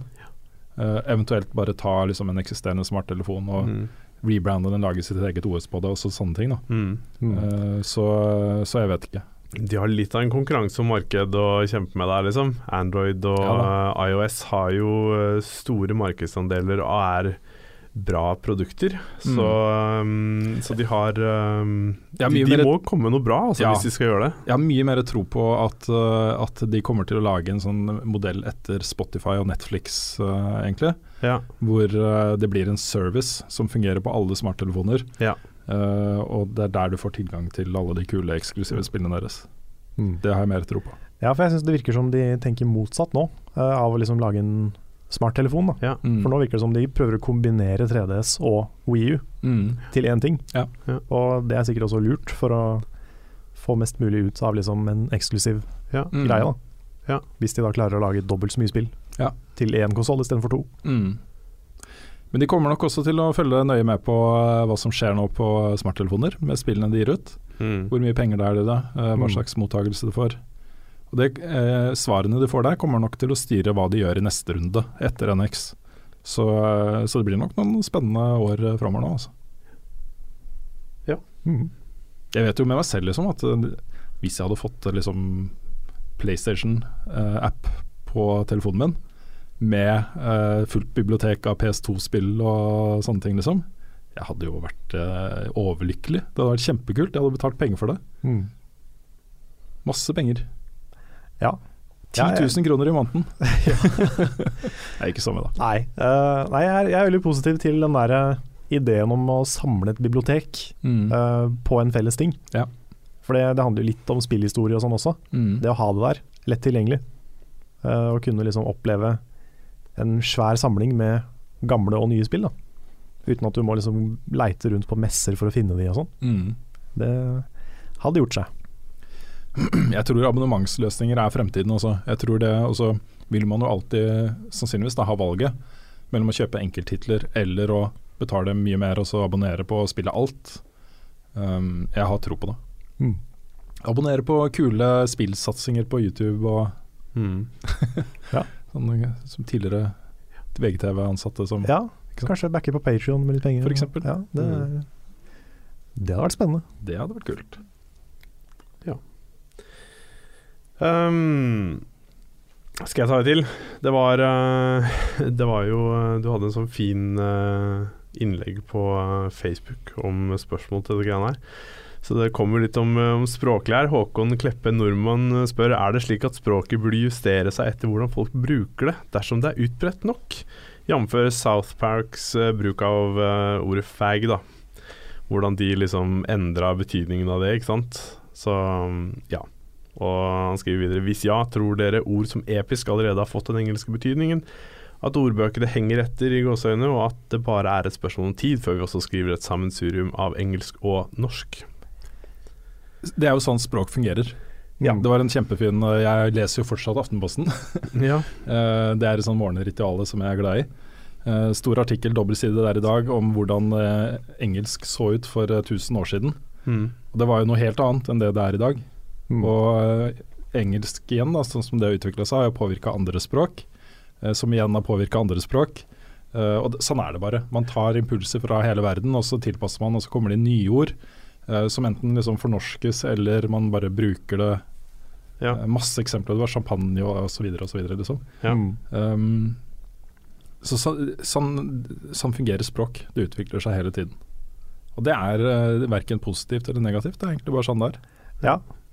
Ja, jeg, jeg også, det er det som gjør at jeg er ganske sånn slack på språk. Jeg er ikke så veldig opptatt av uh, om jeg bruker mye engelske ord og om jeg sier episk, f.eks. For eksempel. Eh, fordi jeg tenker at det er sånn det er. Mm. Uh, jeg respekterer at andre, f.eks. Rune, har et uh, litt mer sånn uh, kjært forhold til å bevare språk og sånn. Ja. Jeg er ikke så opptatt av å bevare språk. Du er ikke det? Nei, jeg er mer opptatt av å, at, uh, at man skal formulere seg korrekt. Ja, okay. Men, men jeg, er, jeg er ikke lidenskapelig opptatt av det. Nei. Det er, det er mer en sånn ting som jeg syns er uh, Kanskje ikke viktig er det riktige ordet engang. Men jeg, jeg, jeg bare er interessert i det, kanskje. Ja. det. Fordi jeg mener jo at episk allerede er, betyr det det betyr på norsk. Ja. Altså, folk bruker det jo sånn. Mm. Eh, aviser og folk i offentligheten, masse folk utenfor spill også. Ja. Ja.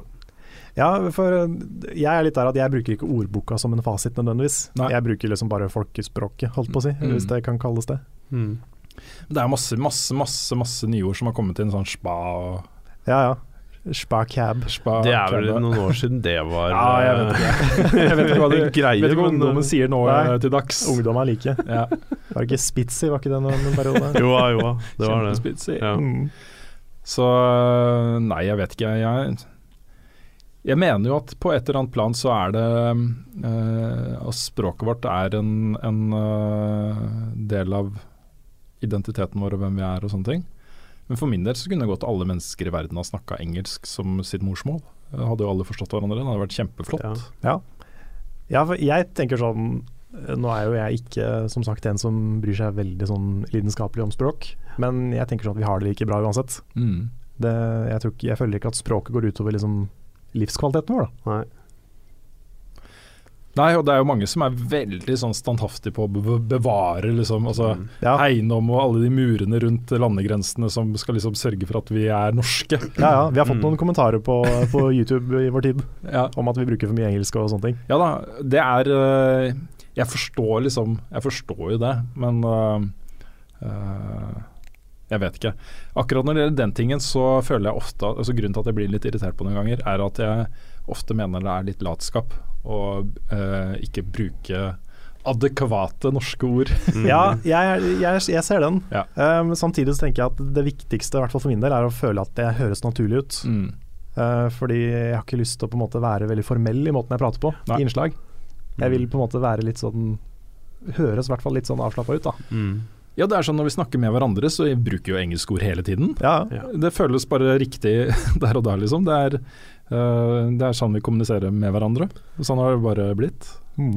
egentlig. Ja, altså For min del så er det blitt veldig sånn at det er en del uttrykk som du har på engelsk som jeg forstår og veit hva betyr, og så skal jeg tenke meg at hva er dette her på norsk? Da sitter jeg liksom Hva skal jeg bruke på norsk? Det sliter jeg med. noen Så er jo også engelsk har jo mange, mange flere ord eh, Ja. enn norsk.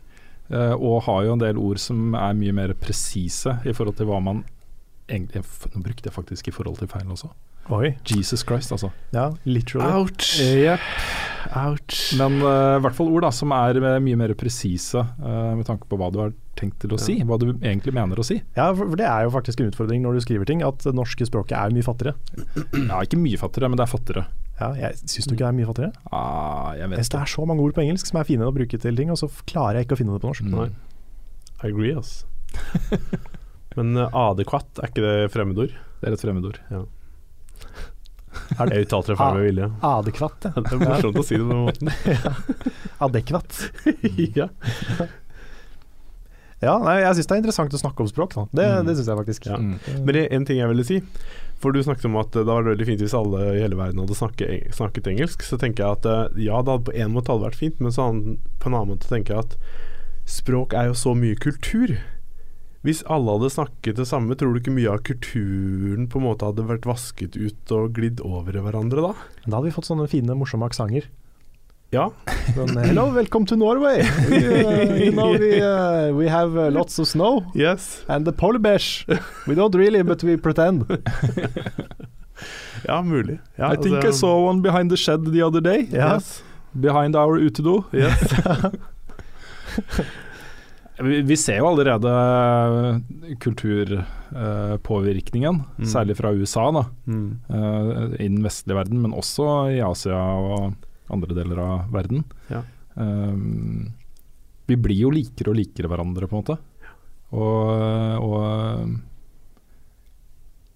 det er på en måte fint og flott å se liksom, eh, forskjellige kulturer danse med de fine draktene sine og synge eh, 2000 år gamle sanger Mm. mens de danser en eller annen dans. Altså, sånne ting er jo fint, liksom. Mm. Men, uh, men uh, jeg øh, personlig syns jo egentlig også globaliseringen også er fint.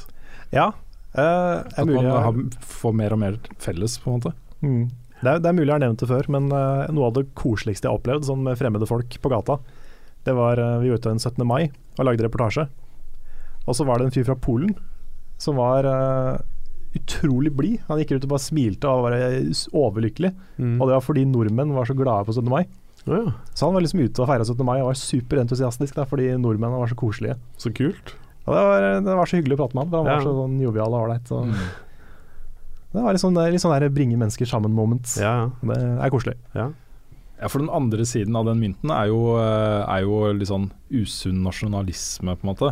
Ja, det Hvor, eh, for det er jo mange som er veldig sånn åh, Norge er så fantastisk flott, og vi har den verdens fineste nasjonaldag, og det er så flott at det er for barna, og vi er så Mm. altså, Mm. Ikke sant. Og så blir man veldig sånn der, man bruser seg opp, ja. og blir liksom stolt av å være norsk og de tingene der. Ja. Men vi er jo liksom Uansett vi, om vi har forskjellig hudfarge og hvordan vi har vokst opp og hva slags kultur vi har, så er vi jo basically den samme personen. Vi har bare vokst opp forskjellige steder. Mm. Og det er, Mm. jeg syns det er viktigere da, enn å være veldig sånn opptatt av å hegne om uh, hva som gjør oss forskjellige. Mm. Ja, ja, helt klart. Ja. Det var uh, en s- fin, fint sett med digresjoner fra, ja, det var det. fra grammatikk. Ja. Eh, vi har et spørsmål fra Mathias Kolsrud Aase. Han spør eh, når man lager film, pleier man også ofte å se kjipe feil som folk ser videoen ikke nødvendigvis legger merke til. Legger dere selv merke til noen sånne feil, og var det sånn Rune rev seg i håret til det ikke var mer igjen? Mm. Også, eh, vi, Nå snakker jeg Jeg tror jeg snakker på vegne av oss alle, men Ok. eh, jeg, kan jo snakke på vegne av meg selv, så kan dere korrigere hvis jeg tar feil. Men vi opererer jo på et amatørnivå, egentlig. Og så, Jeg sier ikke at vi er dårlige, Nei? men uh, um, vi har jo de ressursene vi har. Ofte så filmer vi og lager manus og klipper og, gjør all, og spiller selv. Bare setter opp kamera på stativ og film. Og så, ofte gjør vi alt selv. da. Så mine krav til hvordan det sluttproduktet skal se ut, er ikke uh, sånn superhøye. Jeg har liksom en terskel et sted, dette er bra nok. Og hvis Så lenge det er over den terskelen, så er jeg happy, liksom. Og så kan jeg være irritert over at jeg ikke formulerte meg sånn og sånn, eller at eh, kameravinkelen var, burde vært sånn og sånn, og sånne ting i etterkant. Men jeg henger meg ikke opp i det.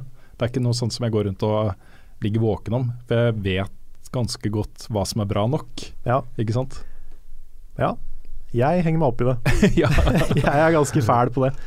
Jeg tenker sånn, eh, altså jeg syns det er helt grusomt å gå tilbake og se på innslag fra 2013 f.eks.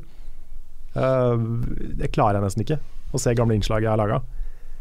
Og når jeg ser f.eks. Jeg lagde en sånn mini-sitcom for noen år siden som het Roomies.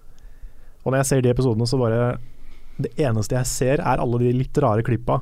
Alle de litt sånn her Å, det burde vært levert litt annerledes. Burde fargekorrigert litt der. Burde kutta før. Masse sånne ting, da. Jeg ser så mange av de, og jeg Mm. skulle ønske jeg liksom ikke var så ille på det.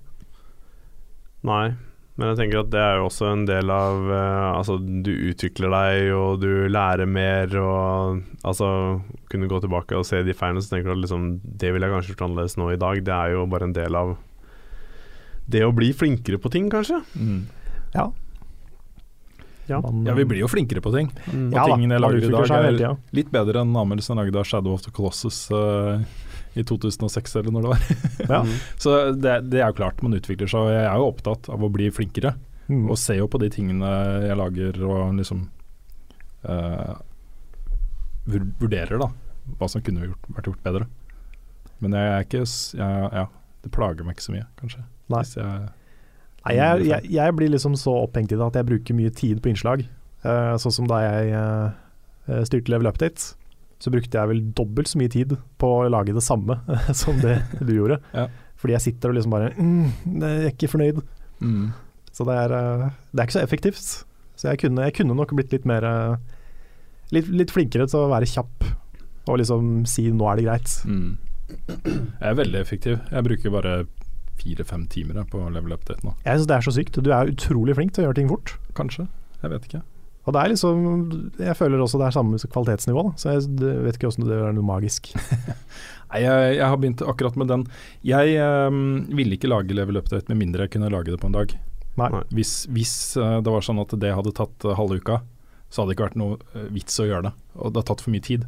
Ja. Så jeg ville, ha, jeg ville ha et konsept som er enkelt nok til at jeg kan sette meg ned og hamre ut uh, en episode i løpet av en arbeidsdag. og gjerne mindre enn det, hvis det er mulig. Mm. Så jeg har blitt ganske strukturert på det. Jeg, vet, jeg lager liksom et bra eh, manus og sendeplan og sånne ting. Og så gjør jeg én og én ting helt ferdig. Så når jeg sitter og liksom legger inn, så legger jeg alle klippene over og overganger og justerer lyd og, og sånne ting. At alt er helt ferdig, og så går jeg videre til neste. Så når jeg da kommer til slutten, så er basically episoden ferdig. Jeg slipper å gå fram og tilbake og justere det og det og det og få et sånn rot i hodet mitt. Da. Mm. da er det egentlig bare å hamre det ut, altså. Mm. Ja.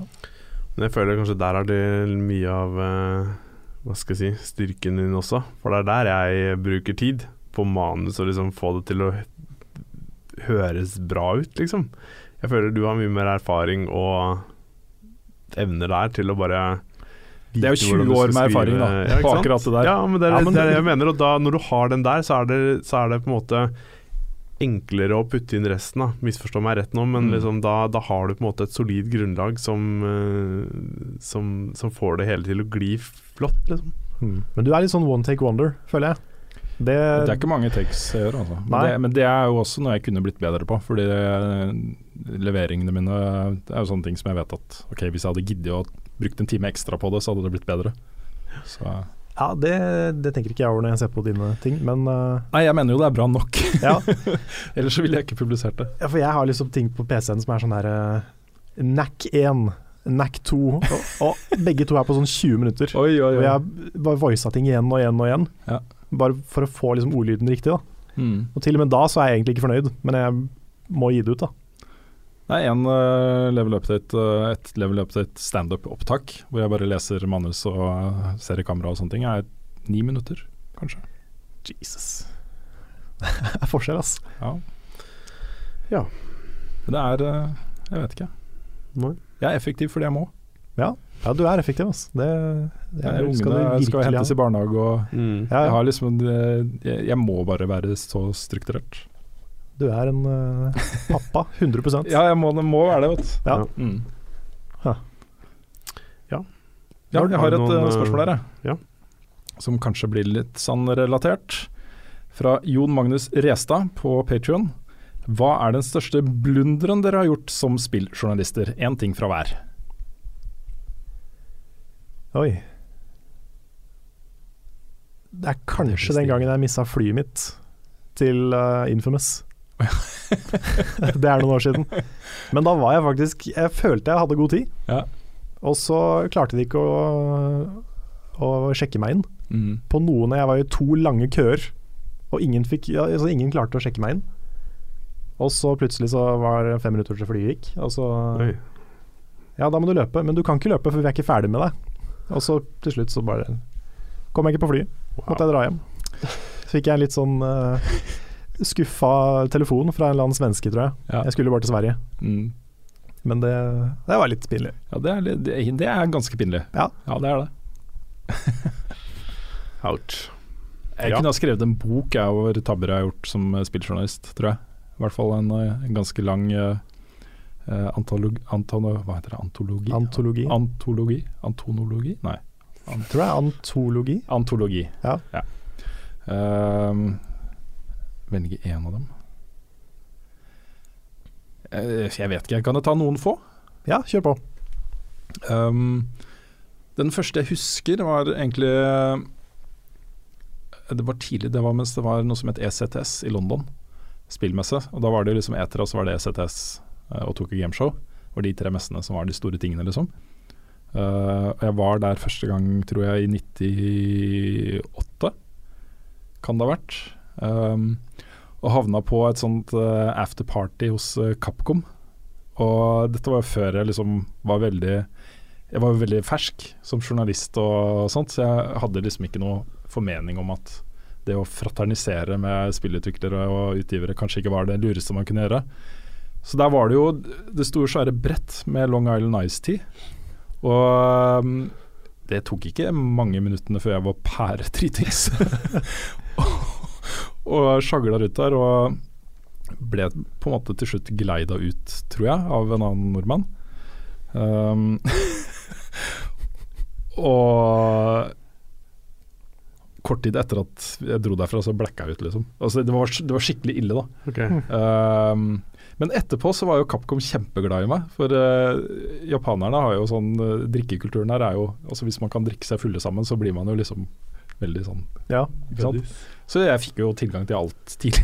det var skikkelig sånn Gamergate. eh, hadde, det fortsatt, hadde det fortsatt sånn, så hadde jeg hatt et kjempeproblem nå.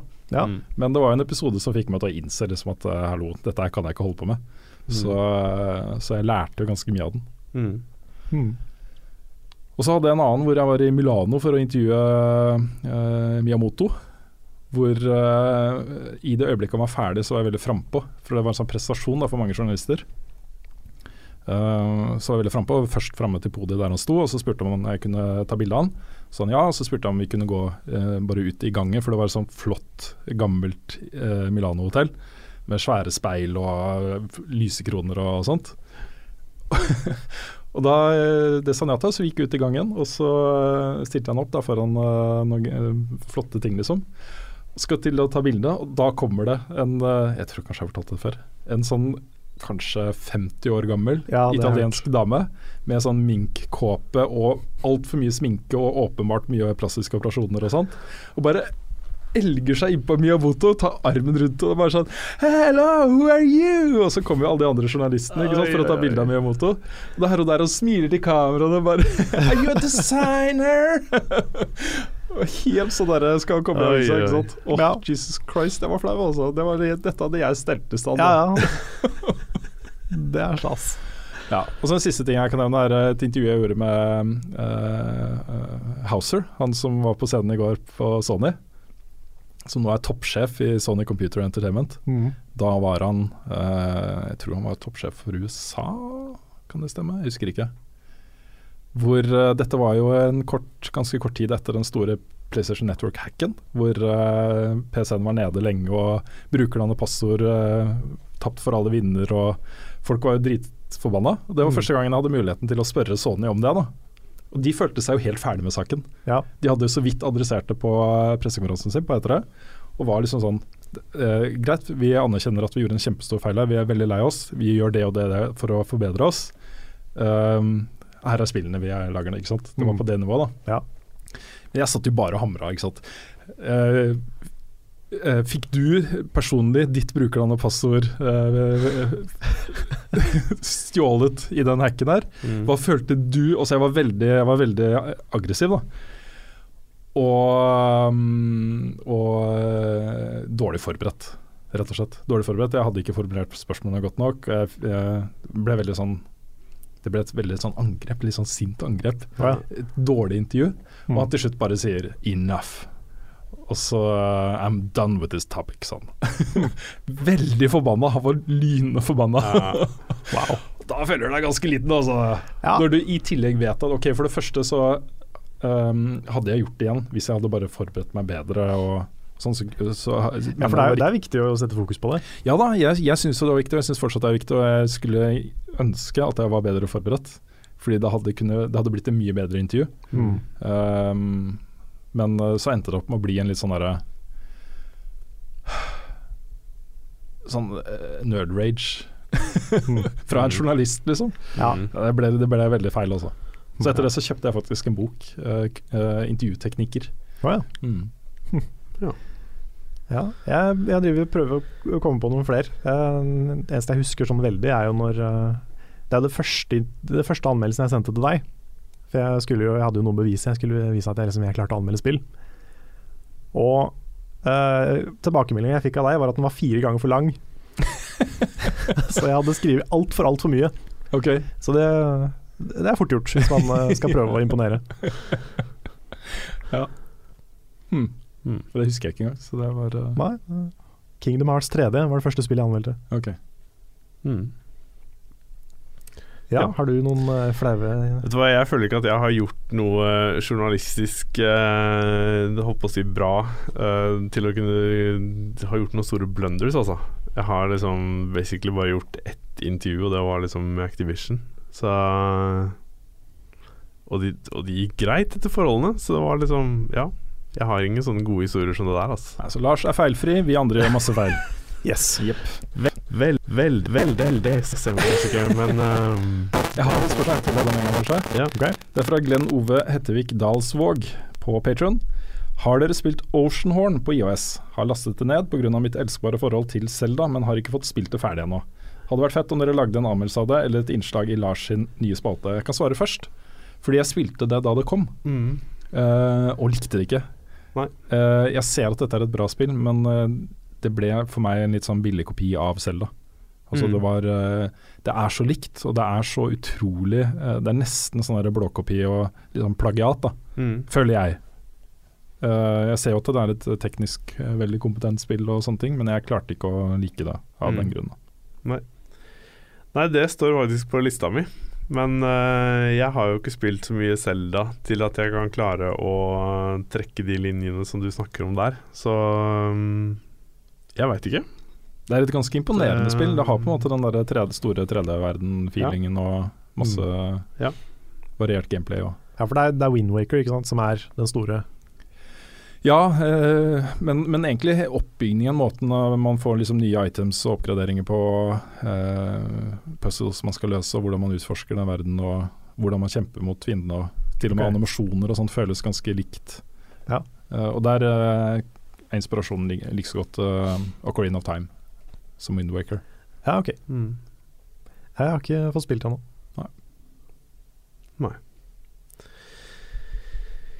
Ja.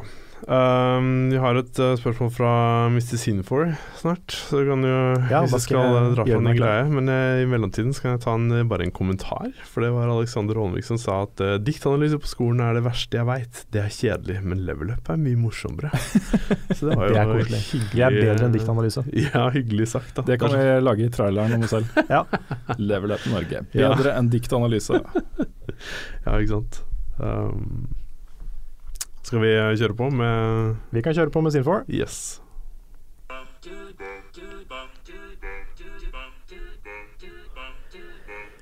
Hvilken actionfilm fra 80-tallet ville funket som et heidundrende actionspill i dag? Og hvem har minst fraværsdager i Buffkitten? Skal vi se det, Det virker slå seg an. Sånn. Godt spørsmål, da. Ja. Godt Ja. spørsmål. Jeg føler jo at uh, kanskje det mest åpenbare svaret for min del uh, allerede har fått et veldig eh, bra spill, som jeg spilte på PlayStation 1. eh, Die Hard. Ja. Det spillet Die Hard Trilogy på PlayStation 1. Men jeg Die Hard sånn i utgangspunktet, liksom, som et moderne spill, kunne Mm. vært kjempekult. Ja, for det var det første som traff mitt hode også. Men det spillet du snakker om der, har ikke jeg prøvd. Så Det er ikke superbra, men, eh, men eh, altså det er jo eh, tre forskjellige historier, da. ja. Um, Det står actionspill i dag, da, så det er vel en stund siden det ja, da, det er, kjempe, det er gammelt. Ja. gammelt 90-tall. Har det kommet noen bra Terminator-spill? Ja. Det har kommet, det kommet spill, i hvert fall. Ja, har det vært noe bra? Jeg, jeg vet ikke. Det var jo et Terminator-spill som kom til Var det etter Terminator 3? Jo, det tror jeg. Eh, så fikk vi sånn passe mottagelse uh, Ja. Mhm. Det, det er det eneste jeg kan huske, i hvert fall. Det Ja. var jo sånn 2003-2004, et eller annet. Tells Back to the Future som eh, action 80-tallet. Ja, det gjør det. Det har Ja. jo også kommet spill. Ja, det kommer jo et Telltale-spill, men jeg tenkte kanskje noe annet, noe mer sånn action adventure-type ting, da, Mm. for eksempel. Ja. Ellers så er um, um, min kanskje favoritt 80-talls Eller var det tidlig 90-tall? Nå ble jeg usikker. Det må jeg sjekke. Jeg skal google det. Okay. Uh, jeg regner det som en 80-tallsfilm, men det kan hende at det var, uh, var noe annet. Uh, hvis dere kan snakke litt om noen andre ting så lenge. Ja, Um, er det noen flere 80-talls? Nei, altså jeg, jeg tenker på ting som ikke er en film, da. Mer serier. Så det er kanskje ikke Ja. Men det var jo Miami Vice og Og diverse. Beverly Hills Cop. eh, Beverly Hills Cop. Det hadde jeg spilt. Oh, Jesus Christ. Ja, det er med Eddie Murphy, det. Ja. Uh, Axel Foley.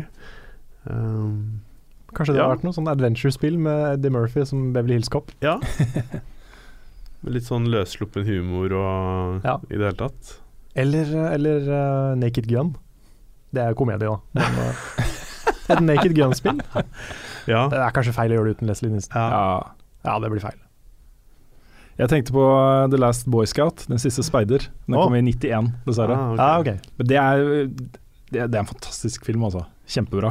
Sånn utrolig kul uh, miks av alt som var bra med 80- og tidlig 90-tall. Så, Hmm. ja, den har jeg ikke sett, faktisk. Ja, hva var det andre spørsmålet? Det var hvem har minst fraværsdager i Bøfken? ja. Ja, uh, har vi noen fraværsdager? Det er ganske sprøtt, fordi uh, det um, etter, etter at uh, Egentlig etter at jeg begynte å jobbe med spill på heltid i VG, så har jeg knapt hatt fraværsdager. Og det er jo uh, mye pga. pliktoppfyllelse. At ofte, eller i lange perioder, så var jeg helt alene. Og hvis ikke jeg gjorde jobben, så ble den rett og slett ikke gjort. Mm. Altså, da kom det ikke noe stoff til papiravisa den mandagen, eller hvilken dag det var. Mm. Um, og så er det jo sånn at når man er syk, med mindre man er, ligger for døden, liksom, så kan man jo fortsatt gjøre noe som er spillrelatert. Mm. Ofte det man gjør når man er syk, er jo å spille. Ja. Ja, sant. Så om man ikke sitter og har standups foran kamera og lager eh, svære, avanserte manus og sånn, så kan man jo alltids gjøre noen opptak eller eh, Mm. et eller annet.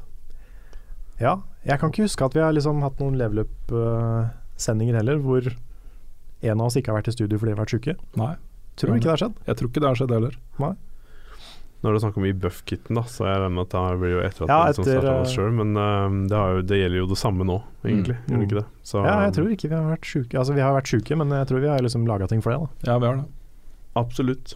Og så tenker jeg at eh, det er jo veldig mye også Man har litt større frihet til når man skal gjøre ting. Så Mm. det at man er sjuk, gjør at liksom Ok, da kan jeg liksom kanskje slappe av litt nå, men jeg må bare ta, ta igjen litt mer på kveldstid, eller et eller annet, da. Så Ja. man har liksom fortsatt muligheter til å gjøre ting, selv om Mm. man uh... Ja, Vi styrer jo veldig vår egen arbeidstid. Ja. Eh, det er jo derfor du er daglig leder og jeg er nattlig leder. det er sånn jeg sover lenge. Det er liksom sånn det har blitt Mm. eh, ofte. Men jeg har fortsatt lyst til, også i min uh, drømmevisjon om det selskapet her, så jeg har fortsatt lyst til at vi sitter liksom uh, oss tre og kanskje et par til på et kontor og jobber samtidig og lager ting sammen, liksom. Mm. Ja, det, det, jeg er med på det, altså. Jeg skal ikke, jeg, jeg skal ikke liksom si at døgnrytmen min tar overhånd på det. Nei. det. Jeg klarer å omstille meg når det skjer ting. Det er bra. mm. Og det hadde vært kult, ja. Plutselig så blir du far du òg, vet du. Da er det, Da er det, vei tilbake. Da, mm. Det er spennende, Mm. spennende tider. Det er en sånn framtid jeg uh, ikke helt klarer å se for meg nå, men som var veldig kul. Hvis du plutselig bare Ja, jeg skal bli pappa. Ja. Ja, Det er sånn bare Ja. det var uh, helt planlagt. ja. Jeg, tror, uh, jeg tror du hadde blitt en fin far, så det går nok uh... Jeg, har alltid tenkt at det hadde vært koselig, men jeg har jo også hørt historier om hvor vanskelig det kan være. Og fra hvem? Nei, diverse.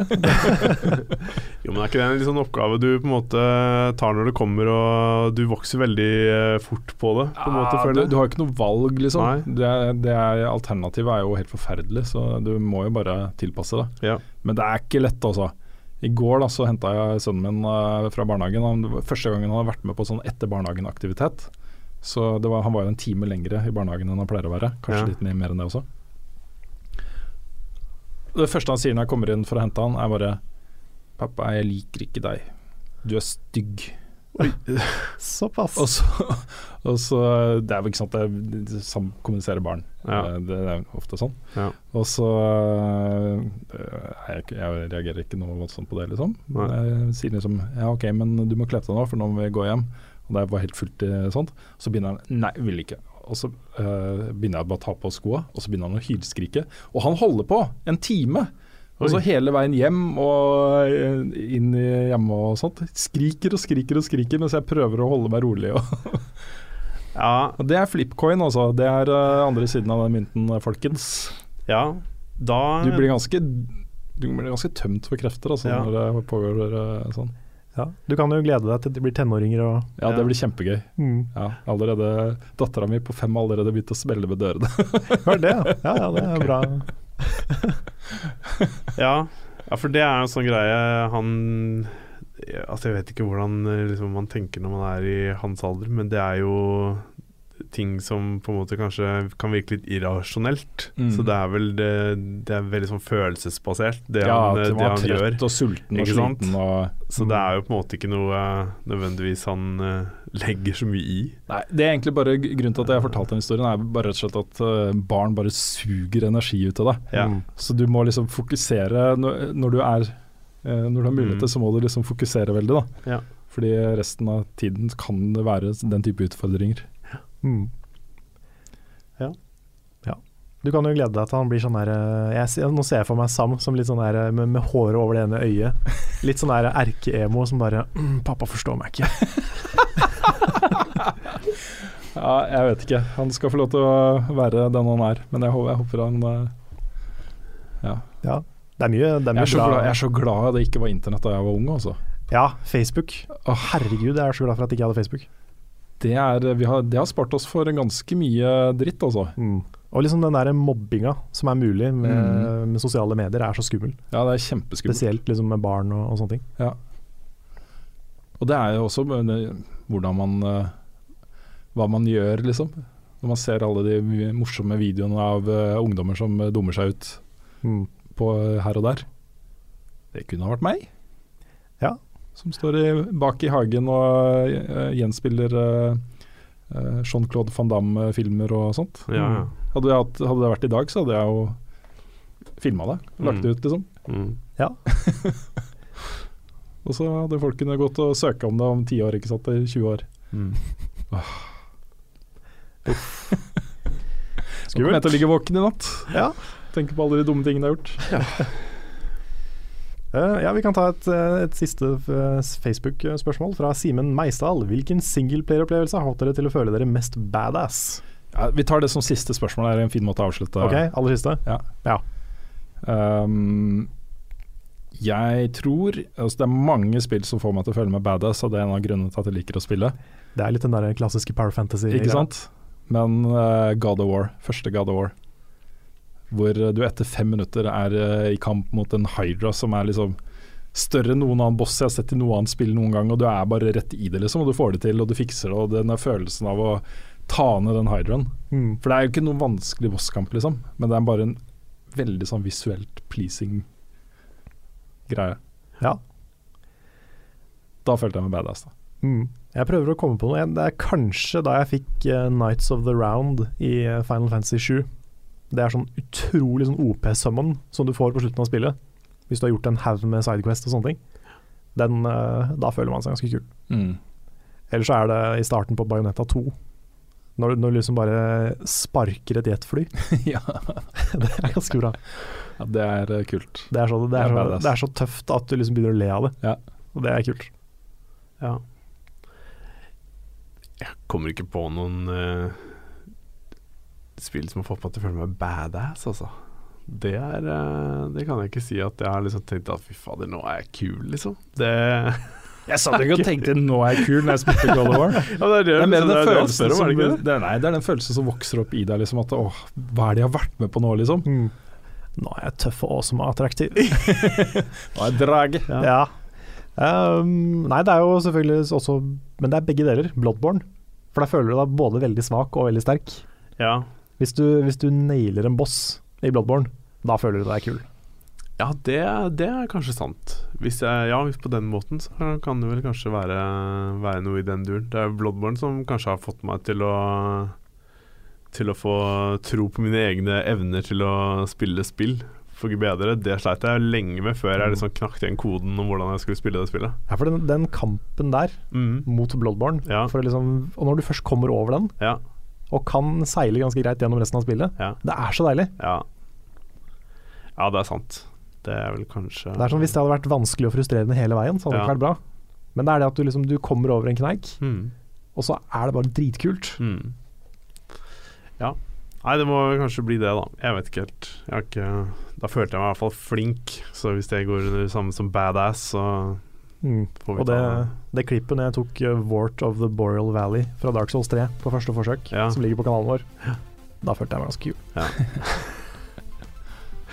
Jeg har sånn usynlig health igjen. Du Ja. kunne ikke se liksom Kanskje én HP. Ja, stemmer det. Jesus. Ja, det var eh, amazing. Det var stas. Mm. Yes. Ja. Ja, skal vi runde av? Ja, vi gjør det. Da er det bare å si hjertelig tusen takk til alle sammen for at dere har hørt på. Det har blitt en ganske lang podkast i dag. Ja, sikkert. Ja, det har det. Nærmer seg vel snart to timer. Oi, oi, oi. Gjør nok det. Sånn kan det gå. Mm. Men det har vært hyggelig, og veldig hyggelig at dere hører på oss. Og tusen hjertelig takk til dere som er med og backer oss på Patron. setter vi utrolig pris på. Det, det betyr mye for oss. Det er det som gjør at vi kan sitte her og holde på. Mm. Så uh, tusen takk for det. Så Ja. avslutter vi med ukas spillsitat. Where's that damn fourth Chaos Emerald?